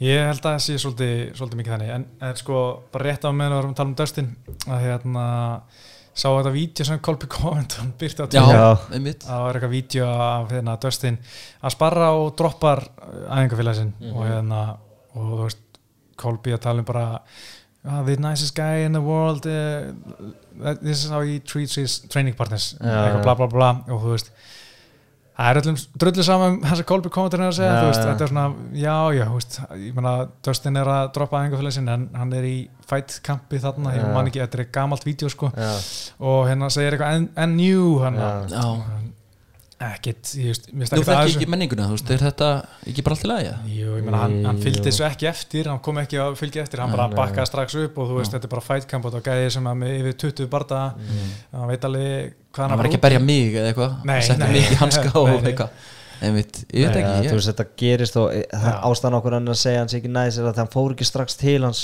Mm. þú veist, þú Það veist er eða þú slæðir eitthvað niður þá yfirleitt þá ferður strax til hans sko, og svona þetta er stoppað. En hann fór í bara and you, Já. þú veist. Er þetta ekki bara einhver leið til að þú veist, peppa þig Jú, og já, hann er bara í fightkamp og bara keira sér í gang og andlega til þess að vera reyna að taka beltið af Khabib á þessum tíma. En ég meina það er bara eins og það er. Og ég meina Kolbi að dreif einhverju skít, þú veist, nennir einhver að hlusta á það? Nei, Nei. nefnilega ekki, hann er ekki relevant þú veist, hann Nei, nákvæmlega. En uh, sko Bardaginn er lögðað meini vend og ég er, ég er árið mjög spenntur svona um leiðan maður að byrja að tala um þetta bara svona, þú veist, það er alltaf svo gaman í kringu konaborda mm uh, koma alltaf svona alls konar umræður og, og, og menn sem horfa aldrei á MMA fara alltaf inn að tala um konor og þú veist, og ég er alveg smá að spá hvort að við séum svona svona hoppa á lestina sko, veist, við erum allir inn að spá sér, eða allan við tveir veist, við erum, og hérna maður er svona alltaf Conor listinni og leita hann ekkert svo vel út síðast og, og tapar, þá var maður strax farin á já, hann tapar aftur núna. Hvort það munið tróða sokku upp í okkur sko. Ég, en ég, er hann alveg hefur tapað áður og ég er samt verið bara hann vinnur ríma sem hún er neitt Já, veist, eitthvað svona. En ég, það er bara þú veist, ef þetta hefði gerst fyrir þreymur árum þá Mm. hefði ég verið bara ok, er að fara koma og fucking buffa núna sko. já, mm ég veit það ekki núna sko. nei, það er þetta með þetta drive sko von, veit ekki- vonið það, til að mynda já, já, ég verði alveg að segja það mér finnst, svo, mér finnst gaman þegar það er það er hæpi kringu Conor Já. það er alltaf, það er eitthvað ekstra ákveðin veistla sko. Já, það er ennþá svona, þó að hann sé stundum uh, segir skrýtna hluti og gera skrýtna hluti ut, utan búrsins þá er alltaf gaman að láta hann í honum svona, að fylgjast með þessu. Ég, ég, þú veist, mér, ég er alltaf svo, stýrist alltaf einhverjum svona tilfinningum þú veist, mér er Dustin svo likeable já, já, hann er það, ég elska Dustin sko. þannig að ég veit ekki alveg hvað hva ég vona ég, ég, svo finnum maður alltaf þegar bar, bardaginn byrjar sko. já. Já, já, þannig að hvernig maður vill að bardaginn fari þannig það að er enda mjög oft þannig að maður veit ekki hver maður heldur alveg svona með Nei. það er enda aldrei gæst með Conor hjá mér en það er bara svona einhverja aðra fæta og ég er svona shit, Já. ég fíla á báða sem byrja barndaginn þá og fattar þá það fattaði ég bara, oh my god, ég held það maður er ákveðin töfrar sko. Uh, já, sko næsti hérna bardagi sem við ætlum að skoða það er náttúrulega uh, svona næst síðasti bardagi kvöldsins Gilbert Burns og Steve Thompson í Veltvitt Mhm. og þetta er náttúrulega svolítið mikilvæg bardagi í Veltvittinni uh, ég meina Gilbert Burns var rótaður í februar á móti Kamar Úsmann, hann vildi fá strax bardaga en ég er mjög ánæður að það sé komin júli núna og hann hefur beðið sko Já. en ég vona bara að hann hafi ekki verið í einhverju farið strax að sparra sko, mm. því hann var svo ógæslega æstur ég veldi að fá barða bara strax en vonandi einhver uh, honum nær sem hefur bara stíðið á bremsuna, það eru býtur rólur leiða hugan að jafna sig því að hann- annars geta hann orðið bara verið tsinni eða svona, úst, Já. með vei- veika hugu þessu barða ef, hann- mm Mhm. ef hann hefur ekki farið vel með sig eftir róteki en, hérna, en þetta verður svona tveir áhugaverið stílar, þetta er bara náttúrulega pjúra svona ja, Burns er þetta pjúra Emma fætir skilja en þetta er svona bjögi jóða móti karate svona þannig sé og maður veit alveg hvað báður vilja hann hérna Stephen Thompson eins og hann talaði um í Embedded að bara að pappans legs and lungs þú veist, það, það Já. var góð lungu til að vera hlaupa í kringum hann og það er bara hjólinu? Já, hjólunu og meðan Burns allar að loka fjallaðinni snertan og, og hérna taka niður. Mhm. uh, þannig að þetta er svona mjög áhugaverð stílar en hvað haldið þið með þennan bara? Hvernig haldið þetta uh, spilist? Uh, ég ætla ég ætla að gíska að Burns sé nú favorite. Já, Já, en held- ég held- ætla að tippa á minn mann Wonderboy. Já ég er er svolítið á Wonderbói í lestinni sko, hann Já. er með erfiðan stíl já, en sko Gilbert Burns er búin að vera með einhverja karate gæja í kampana sinu og hann sagði að hann sko vildi ekki nefna hann hvað hann heitir. En svo sá ég að hann með hérna hvað er hann Raymond Daniels held hann nefndi hann ekki, hann kom í kantanum hann fekk hann að einhvern world champion gæja sem hefur með þess að barist við Wonderboy og maður sá það sparra já, í já, þeir voru, þetta var einhver alveg eins gæji og Mhm. Wonderboy svona keppir sam, að var að keppi það sem að Wonderboy var að keppi já, já, var bara, ég var að lesa eitthvað vitalega um það sem ok. vildi ekki, þetta er Mm. mm. gammalt bara já, já, Stephen Thompson er favorite já, ok Já. mm -hmm. 160 uh, hérna, hann vildi svona uh, að fá allan einhverja kardiga til sín til þess að Mhm. Reyna að undirbúa sig fyrir Thompson er, mm Mhm. Stephen Thompson er náttúrulega ekki bara einhver kardiga hann er alltaf úslega góður kardiga í MMA mm hann kann að nýta búrið og, Nákvæmlega. og, og lappinnar Mhm. til eins ídrastar sko. og, hérna, og ég er eiginlega svona pínu á því að, hann takit þetta en sko, maður líka velti sig aðeins fyrir uh, þú veist Gilbert Burns, náttúrulega móti Cameron Rosman hann byrjaði ógæslega vel, hann Mhm. semi-droppa hann vangaði. Cameron Já, Rosman bara einmitt. fyrstu mínútu eða eitthvað. Og en þá talaði um hann líka hann hefði verið mist sig aðeins, hann var svo Einmitt. spenntur hann ætlaði bara að klára þetta. Og hérna, það, núna verður hann vera agaður annars bara verður hann droppaður aftur. Mhm. sem er alveg rétt sko, ég held að hann þurfa að vera bara með allt upp á tíu til þess að vinna Stephen Thompson sama, sama hvað það heitir sko. Já, og líka maður sá að Burns maður sá það smá aðeins meiri í kantaninu og svona við líðum smá eins og Burns vilji vinna frekar heldur en Wonderboy eða þú veist Wonderboy vil vinna Mm. en mér fannst svona, hann var bara ég ætla aldrei að tapa aftur hann var bara, þú veist, hann Mhm. var þar sko mm. þannig að ég- það getur verið mjög góð fætt sko Já, áhugavert er mitt að sjá, þú veist, að því að Burns var á svo train bara einhverju bara to heaven, hann að, Mhm. hvernig hann bregst við að tapa einmitt, Já. hvernig kemur hann inn í fætin og allt þetta dót, ég veit ekki ég, þetta er alg, mér finnst að vera algjör 50-50, sko. Þeir eru líka að selja hann að fætt sem Jiu-Jitsu fættir versus Karat fættir Já, Mhm. en Dana White sagði að þetta var ekki, var ekki number one contender partæ, það er ennþá Colby sem er nummer eitt. Já, einmitt. Ég, Er- hann sagði það um daginn. Já, þeir eru að reyna að setja það upp núna í haust sko. Mér finnst það svona, ef ég væri Stephen Thompson væri ég mjög sáttur Já, því að ég er spenntur að sjá Kolby í aftur á móti úsmann því að fyrir bara það var náttúrulega geggjaðir Mhm. en mér langar líka að sjá Thompson á móti úsmann ef ég væri Thompson þá væri ég bara ekkert spenntur að mæta úsmann, sko. Þá væri ég bara smegur þannig að ég veit ekki alveg. Jú, jú, þú veist, ég er alveg til í að sjá kameru taka kolbi aftur og, og vonandi róta hann bara aftur. Já, Já, það var góð fætt já, það var var fætt frábæð fætt og þú veist, tveir wrestlerar að mætast oftast enda það er bara í einhverju stand-upi þannig að að það var bara frábæð fætt fannst mér endaði frábælega og líka. miklu betur fætt en maður hjælt Mhm. Já. þetta er ekki sko, góð fætt sko. Nei, Nei, það var einhvern veginn svona umræðan var þannig að Já. þetta er eitthvað bórfest og þetta er eitthvað leðilegt en þetta er bara frábæð frábæð partæ Já. eitt svo besti bara titilbardag síðust árum Já, það er ekki langt síðan ég horfði á hann aftur bara lætin í Já. það var klikkað sko. Pælti að það veri ekki það er engir ára en hana Já, ég, það er einmitt hérna, ég var að horfa okkur fæðin daginn ég ger þetta oft, ég er svona að vinna, vinna heima og þegar ég fá mér að borða og svona hendi kannski Já. 2-3 Mhm. einhverja sem ég veit að enda þú veist, með einhverju KO eða einhverju. Og bara, ég lendi mitt á einhverjum fæta sem enginn áhörðu og bara ég fekk sjokk sko. Mhm. Já, þvílít, þvílíku munur. Því var ég ekki til það aftur. Nei, ég nenni þess ekki sko. En hérna, sko er þetta síðasti séns fyrir Kolby nei, hérna fyrir Stíðan Tómsson ef hann tapar núna hvað er hans hann gamalt áttu, 35 Hann er orðin alveg fjós eða eitthvað?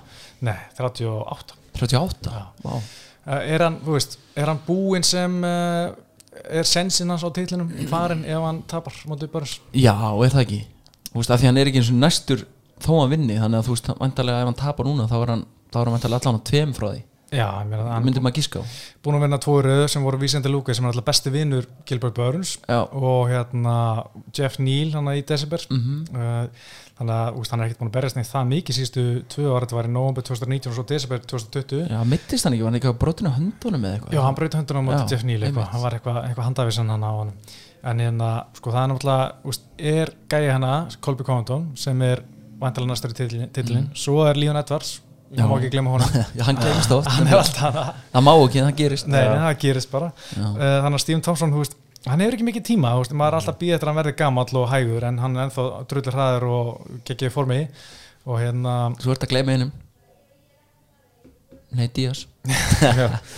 Ángríns, sko. Masvidal, mér finnst að hann ætti bara þá ef að Líón er ekki að fara að fá titilbarðan þá Jorgi Er það ekki næsta spil, ég held það. en Jorgi er reyna að fá neyti að Nick. Sáðu það? Já, já. Þið sá hvað er ég alveg að posta því hann veit bara eitthvað þægilegt Já, vill eitthvað svona cozy og allir horfa og þú veist, Fær mikið pinning mm -hmm. Já, ég held að, að Stephen Thompson sé þurfi að býða svolítið, hann ætlar að bara býða eftir titilbarta en, en ég hérna einhvern veginn svona er svolítið spenntur að sjá hvað hvað Stephen Thompson gerir mútið Gilbert Burns sko. Mm -hmm. Mér finnst það mjög áhörverður fætt sko. Já, ég líka heyrt sko að bara í utsi hjá Stephen Thompson sé bara freka liðlegt sko að ef hann er komin í gólfi þá er hann bara, veist, þá er Börns að fara að hann 100% sko. Matt var alltaf að segja við Gunnar líka. Og hann er aðal wrestling og þess að þið berjist þá, oh my god þú tekur hann niður og þetta búið sko. Já, ok. Þannig að Það er- var einmitt svona eitt fætin sem maður vildi alltaf að Gunni fengi maður svona, þú veist, guður sem var mjög hátt skrifaður með hátt rep og allt þetta. Já, og maður hugsa alltaf, það þetta verður það eiginlega út af veist, já, ætti að vera það en maður veit það ekki. Maður veit það ekki sko ég, það var alltaf hérna Dunjum Kim, það var alltaf Já. til í það. Og hérna Neil Magni já, Mhm, einhverju hlutu vegna því að maður, veist, ég fílaði hann aldrei. Já, og svo var, var það ekki Stephen Thompson næstur það í veistla sko. Það hefði verið, það hefði verið gaman, það hefði verið rísa barndagi sko, main event í Dublin hana í, í oktober 2015, það var alltaf að tala um það. Mhm. en uh, það var, hann, já líka að tala um Maja þá, en það var Maja með sýking og Thompson og meittur og eitthvað, þetta var ekki alveg að ganga en hann fekk alltaf Maja í desember. En eins og það er, eh, hérna sko náttúrulega ég velti fyrir mér, sko ef Gilbert Burns næra snertan skilur þú veist og næra mm koma og taka hann í gólfi sko. ég Já. er mjög spennt að segja Steve Thompson alltaf hann um eitt góðum glímunum búin að vera með Chris Weidmann í kampi í mörg ár sko, þeir náttúrulega eru svilar held ég Já, það er einhvern tengdir fjölskylduböndum? Mhm. að hérna hann veit alveg hvernig að verðast vellum en, en sko, ég bara svo, ég, maður er aldrei séðan í gólun eitthvað, þú veist, nei. Þegar hann vúlið tók hann Eða niður og hann gerir ekkert þú veist, ég tók hann var bara fastur í Mhm. halfgard þannig að alla lótuna þannig ég er alveg pínu spenntur að sjá hvað Börns getur gert það á mótunum sko. Mhm.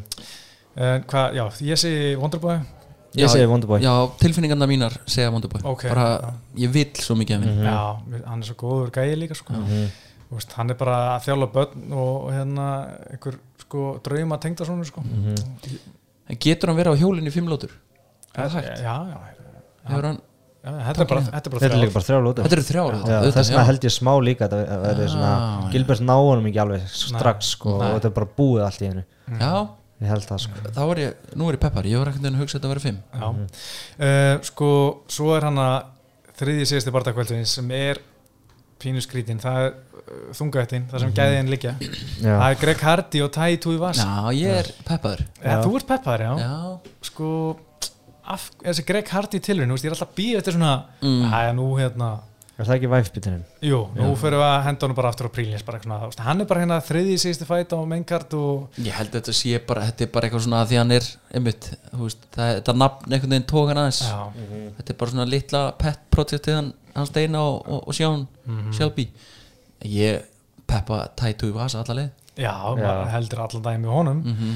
ég menn hann er þessi 120 kíló gæði sem er alltaf næstíð búin að ná feila vikt í þungaðett 196 á hæð. Já. og svona er alveg skrokkur en þú veist þessi bardar hafi verið bara hundleðilir hjá hann Já. utan í contender series þá var þetta spennandi eða skemmtilegt. Já, hann náði manni þarna með þessu bjór, drekka bjór og skóta úti Tattoo Vasa? Já. ég er að tala um Hardy hann, Já, hann, sorry, hann já. var skemmtilegur í contender series en, en hini bardan hafi ekki verið neitt eitthvað mm. smoke show sko nei, nei, nei. og svo náttúrulega á móti Marcin Tíbor hann í desember, veist, hann hætti bara Já, já, veist, hann bara var þreyttur og bara gafst upp það er ekki gott nei en hérna, ég hefði gamla því samt, Já. segir, sko. já, Já, ég er reyndar líka ég heldur reyndar að þessi partaði gett vorðið hundleðilur ég Ég held vegna að smá líka, ég held að þetta sé ekki KO sko. Nei, ég því- held að Hardy vinni eftir decision og Tæði Tú Vas að vera einhverju þú hann er ekki tæknilega góður þetta er bara einhver svona gæði sem heimikar gaur bara, já, Já. og, stemmingsmaður já, og er stemmari sko. Já. Hardy bara fara að jabba hann eitthvað í þrjálótur hvernig er rýtsið á millera er, og bara hæðin sko ég held að það er talsverður munur á þeim svona það já, þetta er 1.96 og hæði versus 1.88 Já. og sko Ritsi sko 203 versus 190 Já, ok, 13 ok. cm Rits Hardy í vil. Faðmlengt eins og segir- Tættu Vasa verður bara að komast inn og Já, ég meina, en Tæði Túvas, hann var hann var köttar úr auðvitað já, svo bara einhvern veginn, að herru fær eitt sensin á móti Stefán Strú og Mhm. mm rótaði hann auðvitað í lók fyrstulótu 8. 2020 og bjargaði sér fyrir hótt Mhm. og svo vann hann Harry Hansaker sem allir tekja og rótaði hann í, í mars núna já, eftir 49 sekundur, hann er hann svona búin að ná tvö- tveimur rótökum í röð eftir svona pínu svona erfitt gengi hérna þrjútöpur röð. Já, þetta er ekki þessi gaur er sko á milli barda er þetta bara fylliputta og Já, hann er bara þannig sko. Hann segir alltaf bara í öllum viðtölum bara ég get ekki beðið bara eftir að komast heim, grilla og drekka það er bara eina sem hann gerir sko. Þetta er engin, stand-out model professional sko. Þannig að, veist ég hef einhvern veginn, hann náði mér eins og ég sagði hann með, með þessu bjórdrykkju þarna og fíla tattúin hans. Já, hann var ekkert tímann á heimavelli einhver starf í annarkvort Ástralía, Ástralía Nýja Sjálfandi eða eitthvað. Og hérna, hann náði mér á okkur stemmingu þar. Já, hann var í barða nummer 2 hérna móti Cyril Asker sem er einn með vers, verri þungaðamönnum Já, í UFC hann einmitt. rótaði hann sko í fyrsta lótu í hérna Ástralíu sko UFC 221 í februar 2018 það var svona, þú veist, það var svona barða sem maður sá bara, já, ég tók hann veit, hérna. Já, ég veit hvað UFC er að gera. Herri, setjum eitt versta þungaðagæja heima Mhm. Á móti heimamanni. Sjá hvað gerist. Já. og já, það vissi allir hvað var að fara að gerast þar og, og UFC fekk nákvæmlega sem hann vildi fyrir, fyrir stemninguna sko. alvöru, þú veist, ég mannaði Kaupmannöfn ég manna þegar Danendur unnu hérna. Dalby og, og hérna Madsen Já, einmitt. bara húsið alltaf að fucking springa Já, sko. já. þannig að þetta er, þetta er taktíst ekkert annað. Þeir vilji þetta, ég meina ég man bara í Stokkólmi þegar Gunni var að bera þar þá voru allir svíðan að tapa. Það var bara, þetta var bara eins töpuðu og allir svíðan. Þetta var svo glata og stemningi var bara eins og bara í ólistildinni, bara einhverjum lélugum leik bara þar. Og síðan sko, þetta er alltaf eitthvað með Svíþjóð. Síðan hafa þær Alexander Gustafsson eitthvað fyrsta sinn hafa þær Stadium Já. eitthvað, 30 og eitthvað þúsund manns. Þú veist, mér minnir bara eitthvað að Slatan í brú heima þess að vera hann eða eitthvað sko. Og, og Gustafsson bara rótast já, var það Anthony Johnson? Já, Já. já. Ángriðs, var mínúta eitthvað, sko. það var eitthvað fáralega svekkandi sko. En Túi var að menna, þetta er í Las Vegas og það verða fullt af áraðum hann, en það verður alveg stemning sko, hann mun taka sjúi ef hann, hann vinnur sama sko. hvað bara, ég held að hann fari. Já, já. hann er stemmingsmaður Já, ég, Hardy, hann er ekki fara að gera neitt ef hann vinnur sko, en sko, svo er hann að ég ætla að segja bara Hardy vinnur uh, leðilegt decision. Ég ætla að taka tæ, bara, ég bara líka, prinsip. bara að það verður stemning og eitthvað, ég verður upp í bústa, ég Já. eitthvað. bjóri skó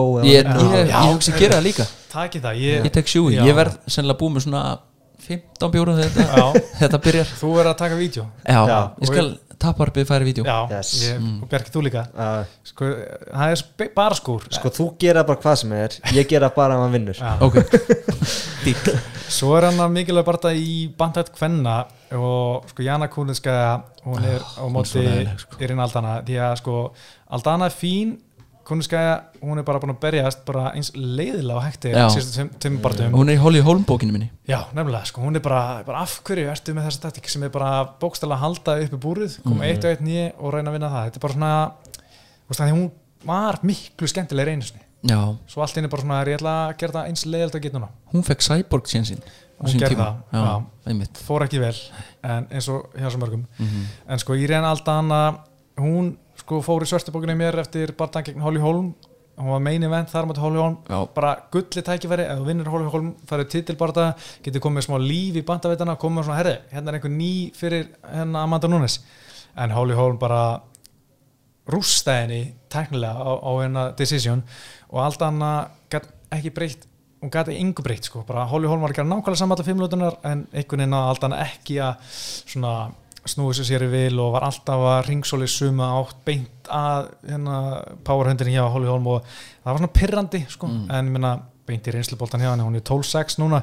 Og ég held að hún myndi fara að vera eitthvað sko, bara var hann á góðu skriði, búin að vinna 5 og sístu 6 á þessum tíma og nýbúin að róta kettlan við ég mm en svo hérna Holly Holm bara holja hana í yfir fimm lótur og ég vona hún komi með svona aðeins betra betri takta núna og ég ætla bara að segja að hún gerir það hún vinni eftir dómarakurinn og hérna Jana fer heim.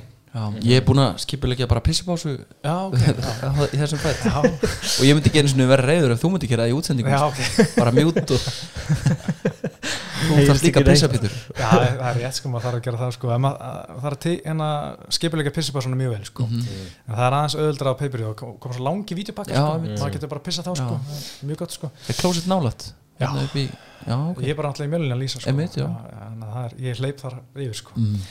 uh, svo er hérna náttúrulega fyrsti barndaginn á mainkartinu átt að vera Sjóna Malli og Louis Smolka sem ég fannst skrítið því að Smolka, þú veist hann er ekkert búin að vera eitthvað í grendu topp 15 í bandaveitinu, okkur er Sjóna er það Malli ekki gæðin sem fóru einhvern tíma móti Patti Jú, og þá var hann geggjaður sko Já. en hérna síðan þá var hann búin að vera mjög misjátt og veist, hann er búin að vinna veist, hann vann síðast Hósi Alberto Quinones þú veist, og að tapa þar fyrir Casey Kenny svona, ekki mikið að frétta hjá Louis Smolka sem er eitthvað svona herri, þessi gæði er á topp 15 nei, hann er bara hana, svona gatekeeper.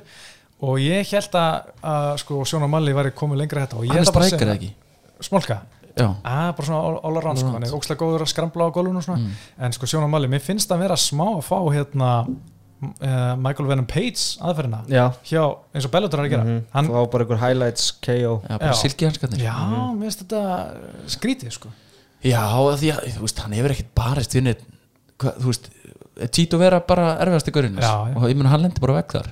Já. fekk bara alvöru hund Mhm. söður amerískan hund í búrið og ángríns, lendi bara vekk ég meina Tito er geggjar, ég fíla hann alltaf. Hann er alvöru svona vicious gaur sko. Já, hann er ekkert að koma til að leika sko. Nei, ég fíla það veist, hann fílar ekkert eitthvað svona hæptren hann, hann var bara mættu til að skemma partíi sko. ég fílaði það í drast sko.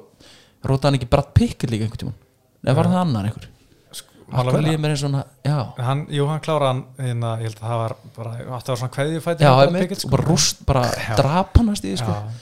þannig að ég, já, hann er að fá okkur að veist, hann er líka ekki að fá okkur restlera eða Nei, einhver, einhver hann er að fá okkur svona þetta er svona þægilegt Já, Já, þú veist, eftir hverju er verið að býða ég, ég veit ekki sko, veist, þetta- er Sjóna Mali eitthvað er hann að bæta sig í wrestlingi eða í gólfinu eða hvernig Já. hvenar á hann að fá stóra prófið Já, Nákvæmlega. sko, þetta er náttúrulega Conor Card sko, þeir eru ekki að reyna svona herri Já, já. leiðum hérna sjónamalli að koma með Já, rótökin nákvæmlega. aðeins að kassa inn á það sko. Mhm. og ég meina hann fekk kom síðast inn að vann Thomas Almeida í þriðlótu, fekk Performance of the Night Aha. í, í mars og ég meina þá var hann sko hann ætlaði að taka svona walk-off í Já. fyrstu lótu, lappaði svona burt en svo var. Thomas Almeida ekki drótaður sko, þetta var svona pínuð kjánlegt Mhm. en, en bjargaði sig fyrir hot sko. Og þú veist, Thomas Almeida var líka svona fullkoman anstæðingur, freka tíninga samtali Mhm. strækir, hann er ekki farið að taka það niður. Já, þannig að mér fannst það að vera mjög gefins barðað fyrir sjónavali, svo núna sko 8,5 lúðismólka en náttúrulega lúðismólka meiðist. Mhm. og þá kemur bara hver einasti gæði bandahættinni er inboxi hjá sjónumali, nei, hérna Sjón Sjálfi er örugglega fullt Já. að gæði sem vildi berja sér sjónumali en nei, þá fá bara gæði sem er ekki eins og í husi Nei, sæna einhvern, einhvern gæði sem engi veit hverju Mhm. sem er örugglega bara bókstala lagastarfsmaður eins og haldur alltaf að tala um. Og hann fyrir á móti sjónumali þetta, þetta er skrítið. Þetta er fárlegt sko. Hann líka, þú veist, hann er eitthvað svona típa eins og Sjóna Mali Já, þeir eru smá tvíburar sko. Já, hann er með hár, eða svona lita hár er eitthvað. Smá sama Þú lúkis haldur vilt að við myndum segja eitthvað Hann var eins og hérna Wiss Já, Var það ekki þannig? Svona smá fake útgáfa Sjóna Mali. Jú, það er bara mjög góð punktur. Þegar allar að, hefða sem heldur sér að fá er sjónumali Já. En það svo færð er farið eitthvað drast bara. Chris Moutinho. Já, En hann er með Instagram takki Chris is soulless. Og þetta er gæði sko sem er nýju fjórir.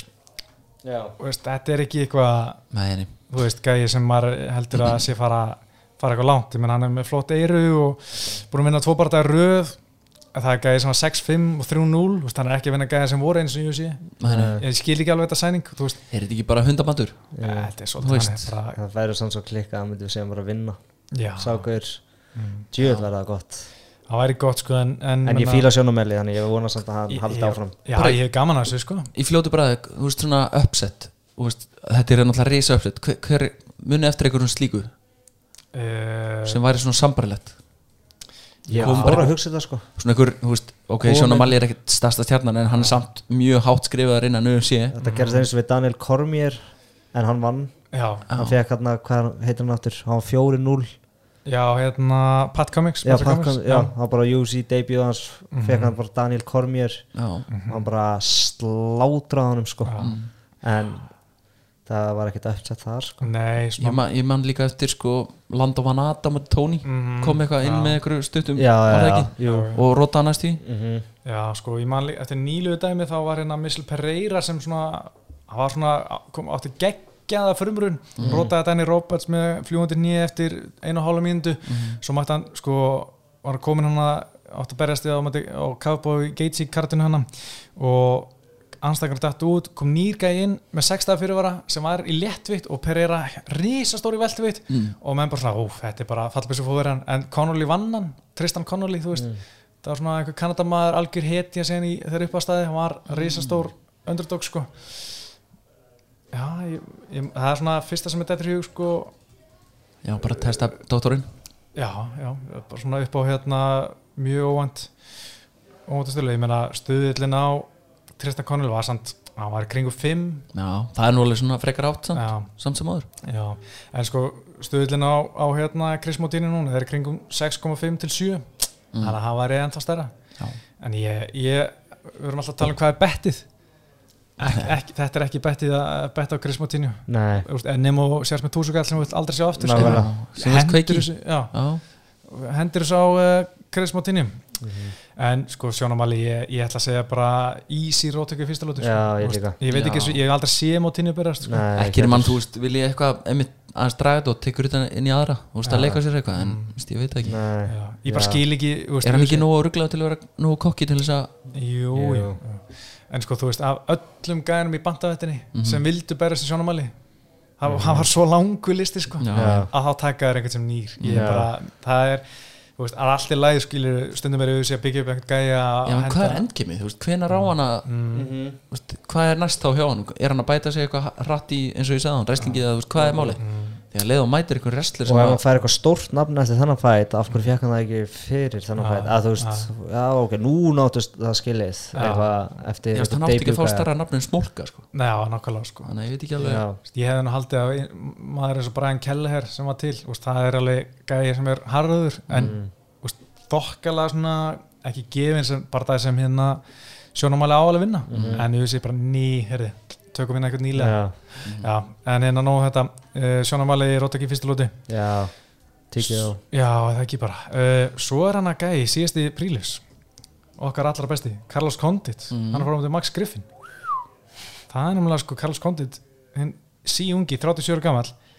Sko, hann er búin að vinna tvo parta í röða já, var það ekki, ég ætlaði að að spyrja ég er bara þú veist, það er rosalegt. Mér minnir reyndar einn hafi verið bara svo leðilegur sko Sko. einn er allan sko, við ætlum áðurum fyrir mig í það sko, hann alltaf var ansi tæpur bara hann, sko, að koma hana frá 2012 til 2018 eru að tala um sko sjö töp í nýju partum Mm. það er bara svona magna skildi að halda í starfinu sko, en hann kontið er skemmtilegur og, bara með virðinguna og allt þetta. Já, og líka allir bara úst, voru að söppa hann, ég meina hann var líka að fá Damian Maia, submission auðvitað.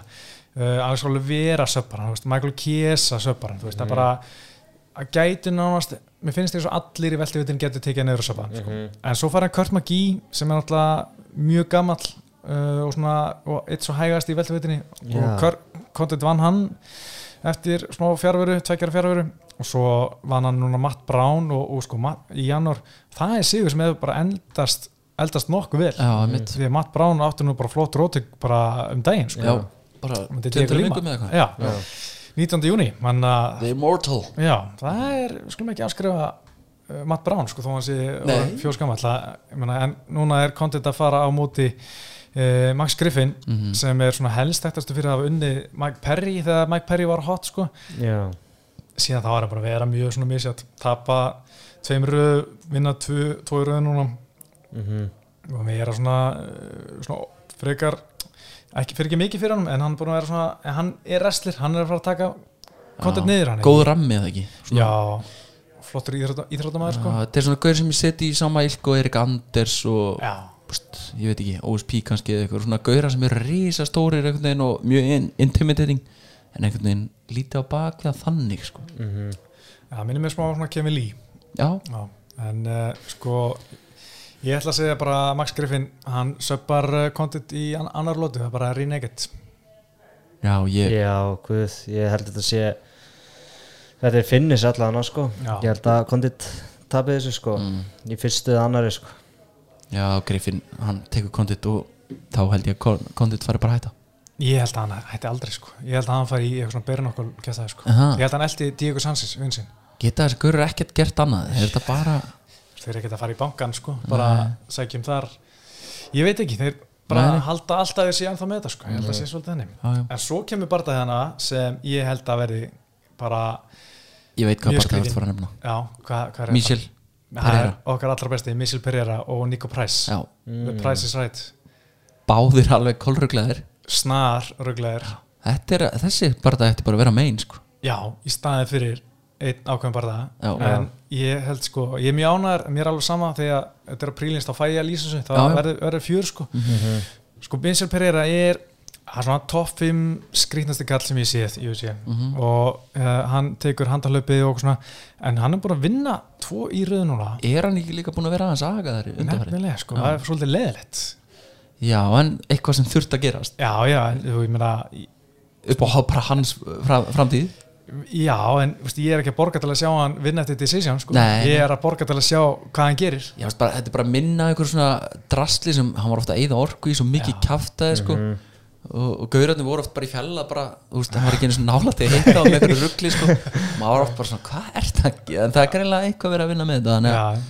Hann, þú veist, ef hann næra aðeins að fínstilla þetta allt, sko, þá er hann bara hættulegur, sko Já, ég meina, hann, þetta gæði sem tala um að hann var að æfa með beljum, sko. Já. Hann var að hlaupa eftir þeim að reyna að fanga beljur, sko. að- Wrestlaðir? Wrestla, já. Í alvörinni? Já, hann, Já, ok. hann var bara að tala um að hann var, sko, Ok. æfingakampans. Það er Hann var bara að glímaði dýrin og fannst að hann læriði svona mismönda hreyfingar þegar glímaði dýrin. já, já, Þannig að hann er alveg, sko, í einhverjum skrýtnu pælingu, sko. Og ég fíla það, sko. Ég, ég dyrka allt svona, sko. Og ég meina, síðast er bara það hans sem átti Chaos Williams. Það er bara það sem ég held að er bara eitthvað einhver sturdin, ég er bara að selja það bara að Já. chaos, bara ekki blika núna það er bara með leiðileg bara um þetta kvöld sko. já, maður var gott eða maður var ekki búin að svona, hei, ég mæli með þessu bara, tjekki á já.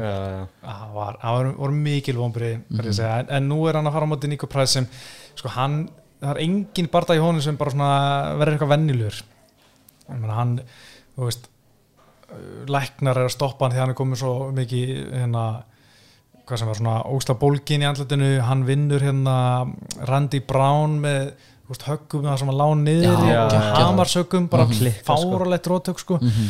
og þú veist, svo er hann með sko tvö no contest sko, mér finnst það hérna, það er ekki margir sem eru með það, barda, tvo barda dæmda ógilda uh, sko bæði að því að hann uh, testaði fyrir uh, svona smá marihuana hann uh. Nico Price mm. þannig að það er bara, hún finnst gaman að fá sér en nú var Nevada tilkynna að þeir eru alveg búin að henda þig út á borðinu já, Já. Ok. þannig að það er bara búið spil fyrir þess er Nick Diaz að koma aftur já, það er gateway en ég ætla að segja að Nico Price sé aðeins eðlileg, eðlilegri heldur en Pereira og hann já, vinni. Já, Ég ætla að vera mót ykkur. Ég ætla að vera með.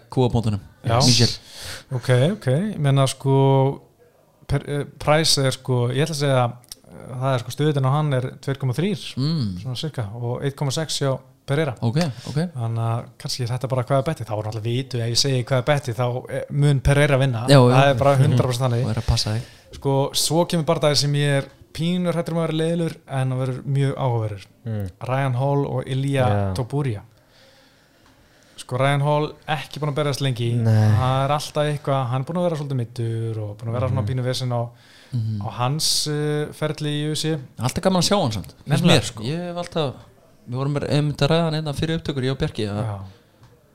Ég hef alltaf gaman á hann Men hann er búin að vinna alla sinni barða í USA alla fjóra barðana á sko, það er að vera sex ár síðan hann kom fyrst í USA Já. fjóru barðar sex ára, það er ekki Mhm. mikið Nei.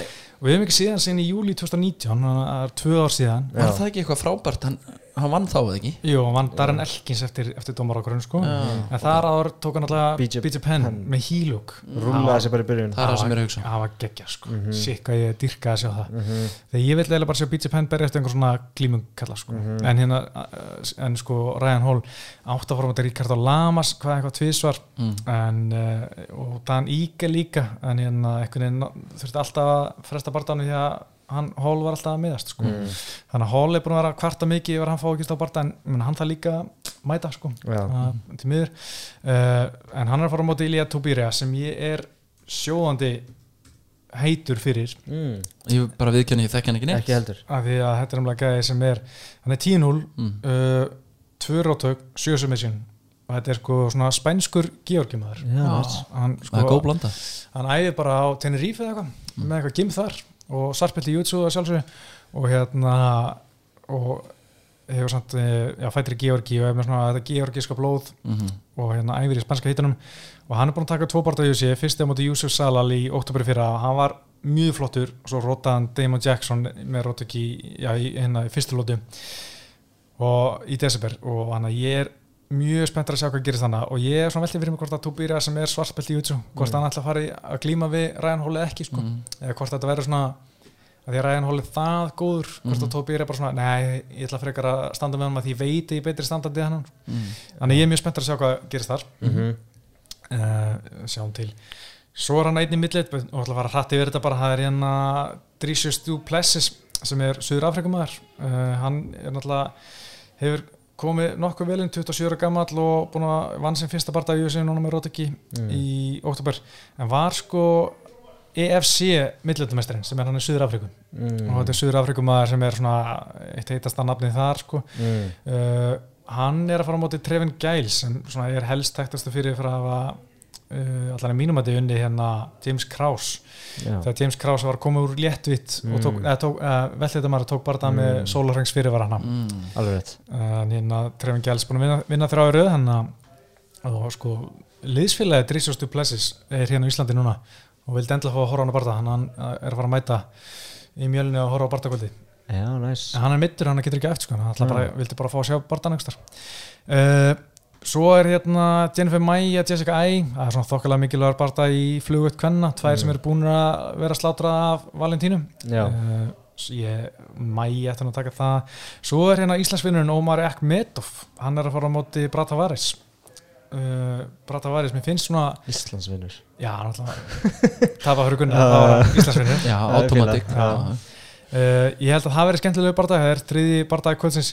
Þetta er svona barndag sem hugsa bara, byrju, það er aldrei mest aður uh, nei, þeir hafa aldrei mest aður báðu búin að vera náttúrulega lengi uh, í bransanum sko en hérna, þannig ég er bara mjög spenntur fyrir þessum barndag og, Mm. og bara mjög spenntur fyrir þessu karti í það heila já, guð, þetta Já. verður Já. er langt síðan að verður gott karl til að konur að berast já, nefnilega já, kjöt á beinunum, ekki bara beinin sko. Nei, það er að góða í þessu já, uh, sko við náttúrulega munum koma inn aftur í næstu viku og gera upp helgina já, og vonandi með trillu jésus, verður Halldór Halldór. eitthvað- skýtur svo, hann er ekki ennþá búin að senda, við erum að fara að klára það hennar sko. jésús hann er svo kansilegar greið sko. en hérna en við náttúrulega fórum ekkert yfir síðasta kart eh, síðasta stóra kart, Nei. 263 sko. það var uh, COVID veikindi, já, bólu efna veikindi alls skulum við konar, segja. það var bara alls konar. Það var bara alls fara að gera konar. það núna? Nei, nei, nei, Nei. ég ætla bara svona ímislegt sem gerist ég menna, þú veist, við erum að tala með Laura Murphy hún vann uh, Jojo og hún er að fara næst í Valentínu Sissenko. Það er svona pff, greið, ég bara gangiði vel. Já, ekki vel. Uh, Svo Mofsar Evloef hann er svona, hann tók hana fjæður þetta barða hann á móti uh, Hakim Davudu vann Mm, hann já, og já, já. þetta er svona gæi sem er að fara íslamakka til leina mm. enginn er að fara að nenn að berjast henni Já. uff, ég er að fara að verjast fellum bara já, í kortir, bara allan tíman mhm, nenni því enginn sko. Nei. svo sá Teresa McGinney rota einhvern veginn 7 sekundur taka eitthvað hoppa búrunu og meit, meiti sér nýjana, sleiti eitthvað nýjana já, einmitt, það var leðilegt það var leiðilegt en, en flott innkoma. Já, já, maður mann eftir nafninu núna. Já, það var samt einhvern veginn svo sorglegt. Já, sjá að- haldrandi eitthvað hana. Og ég meina Nate Díaz þinn maður hann tapaði. Já, hann gerði það. Já, en það var Ég- hann ein mínúta það sem maður held að hann var að vera að vinna. Já, ég var bara, ég öskra á sjórpi í mínútu já, cirka, eins hátt og ykkert já, hann heyrði ekki. bara, heyrði ekki, þetta var aðeins og langt. Já, ég sá að Justin Bieber var líka öskandað á hann Jesus Christ maður, hann hafi ekki farið bara á hann sko. já, en þú veist, hann átti ekkert skilið úr þessum fæt hann, hann Nei. let lemja sig í fjóru lótur og og svo svona lútur dýrkaði einhvern hann er bara lætur eins og hann hafi unni barndana Já, sko. Þú veist, hann er alltaf að pósta þessu, þessari klippu sko. Þetta er reyndar hella nett, þú veist, já, slappar hann og stóttum slappið og svo kemur að þung hvað beinvistri ekki? Já, Jú. Þú veist, hann hafi ekki bara hlaupið áttina og bara að klára þetta því að hann þurfti eitt tökju viðbót sko. fjandinn Nefna. hefða mér finnst líka úgesla fyndið þegar Líga Nettars hann, hann fær tvær spurningar frá Joe Rogan segir alltaf bara yeah, can't wait for my title shot. Segir eitthvað bla bla, yeah, can't wait for, for my title shot. Joe Rogan spyr hann ekkit um titilin hann bara, herru, takk fyrir okkur bæ Líga Nettars að reyna að búa til eitthvað hæp að selja eitthvað titil það bara, hægt, en þú veist, Joe Rogan var ekkit bara svona what's next for you, hann bara, herru, ok, takk og bæ takk og takk fyrir að koma. Þetta þú veist, greiði kallinn þú veist, hann er ekki að gera, veist, þegar hann talar og svona, hann er ekki, sko púlsinn minn er bara 62 áfram, já, Mhm. alveg sama hvað, gera- hvað hann gerir sko. ég veit ekki hvað er, nei, það er bara eins það er. Mm. uh, Mara Vettori, hann tapaði öllum lútunum mótið aðeins hérna. Nema hann held að hann hefði vinnið já, ég veit ekki alveg hvað hvað hann elsku hélt að sko. Ég er bara gladur og bara, nú getum við bara sagt að þetta, þessi kapli bara í okkar Já. lífi búinn. nákvæmlega vona þurfum, vonandi ekki að þóla mikið að Marvin Vettor í framtíðin Já, Ég er náttúrulega hrættur um að Vettori verði bara við sama Higgarssondi og segja ég vann hennar bara ég, þú veist, ég mun bara mjúta hann núna, Já. þú veist, nú er þetta bara búið og ég, þú veist, hann er aldrei að fara að berjast í issi aftur eða neitt nei. slíkan hann að þetta er bara, þetta er kaplið sem ég er tilbúin að setja bara baka mig, sko. Setja tapar í flöskunum þar já, Já, ég líka sko en Vettori bara laka smá til að hlusta á að hann tala svona í næsta viðtali fyrir barða að svona, hann er mættilega bara að horfa á barðan og pæla í svo og, svona, og reyna að hlusta á hann færa rauk fyrir hvern hann er vinnið hann að barða mhm. en þú veist, ég veit ekki. Það er bara eins og það er. Uh, Moreno, nýrmeistari, flugveitinni Fissi, en Iggy Figgi, segi, Figgi, Figgi, Figgi já, Smáls hann var bara lillur, hann var bara slappur. og ég held að Kötti sé að taka á mikið á hann það var það sem við rættum með ekki fyrir þann bardaga einmitt, að við vorum svona já, við vorum að velta fyrir okkur hva, hvenar hann færi upp í, í næstu Bantam. bandam já. fannst líka bara allt vera off við hann bara, mm. í kynningunni að Bruce Buffer er að hæpa hann upp veist, þá er svona, sé hann öskra mér finnst það að vera svona kraftlust. Ah. já, svona, "Ó, ég er tilbúin í þetta. Þetta var svona simbaöskur sko. já, þetta var ekki Mufasa. Nákvæmlega, vel orða uh, var það eitthvað svona hálf kraftlef líka grátandi á leiðinu búri eitthvað svona, þú veist, það að vera eitthvað skrítið í gangi hjá hann Moreno bara geggjaður. Já, Já, það var frábær sko. Vonandi verður hann bara að náfram að, að, já, að hakka gauðra og getur keft Lego fyrir alla peningin núna Já. sko. er hann eitthvað Lego? Já, Já, ok, ég vissi það ekki. algjör Lego mistari sko. uh, og líka sko áhvert fyrir Mexiko, ég meina USA hefur alltaf verið að reyna að komast inn á þennan markað í Mexiko og reyndi að koma með Kane Velasquez svona, og, og sko þeir, þetta var frekar vandræðilegt þegar Kane var mistari og fór með hann á blagamannafund í Mexiko og leta hann tala ensku, eh, spænsku. Að hann er bara frekar slappur í spænsku. Já. þetta var svona hálf vandræðilegt eitthvað sko. Hann var einhverjum molli svona í Mexiko og blagamannafundi og þú veist og tala svona bara svona eins og þegar við erum að tala dönsku eða bara eitthvað, veist. grunnskóla spænsku Já, eitthvað svona Shit. frekar kjánulegt sko. þá virkar þetta ekki Nei, þú veist, auðvitað fekk að stuðning þegar hann var að mæta verdum og allt þannig, þetta var ekki nóg authentic Mhm. Mexiko, sko. núna er er með Moreno, sko, stórt markasvæði já, ég held að þeir elski þetta, sko, Mhm. en ég minna, svo er alltaf bara auðvitað bara þeir með drullum allt nema, bara þeir, það er bardaði löðan, hver geta mætt það er svolítið þannig Já. Herri, uh, við hérna ætlum að fara að slúta þessu og Já. koma aftur inn í næstu viku og förum yfir alltaf helsta. Mhm. en það er eitt sem við glemum, það er Logan Paul hodni Já, ég hef náttúrulega, þú veist, ég var ekkert, ég er ekkert búin að vera síðan bara Jake Paul og Logan Paul eru búin að vera í rugglinu, sko. Já, ég er ekkert búin að fá að vera, þannig að það er ekkert mikið að frétta núna, sko, þeir eru vantilega búin að tala eitthvað um það en þú veist já, við tókum óþarlega langt á ykkur tímunum daginn. Já, já. Þannig ég hef mist af öllum heitu punktunum, sko. Mhm, mhm. um, það var, þú veist, ég get ekkert fara að tala um eitthvað sem maður gerðist fyrir mánuði síðan, sko. Nei, en ég var eitthvað að checka á Instagram hjá þeim og þeir eru bara hann að þú veist gera sitt og, og þeir eru þannig alltaf að fara á móti Tyron Woodley, Jake Paul. Mhm. það verður eitthvað. Það var eitthvað, en ég er með punkt í Jake Paul hodni Nú, ok. uh, Nei, á Logan Paul. Já, Já, ok. já. Nei, það var Jake Paul. Hérna, UFC fætirinn Sara Albar hún, uh, hvað er hún búið með? Eitt barda í UFC held ég. Mm. og hún er með svona hvað heitir þetta, GoFundMe síðu til þess að borga kampið sitt. Mm. hún getur komið og, sagt, og borga hérna, hjálpaði henni með kampið sitt.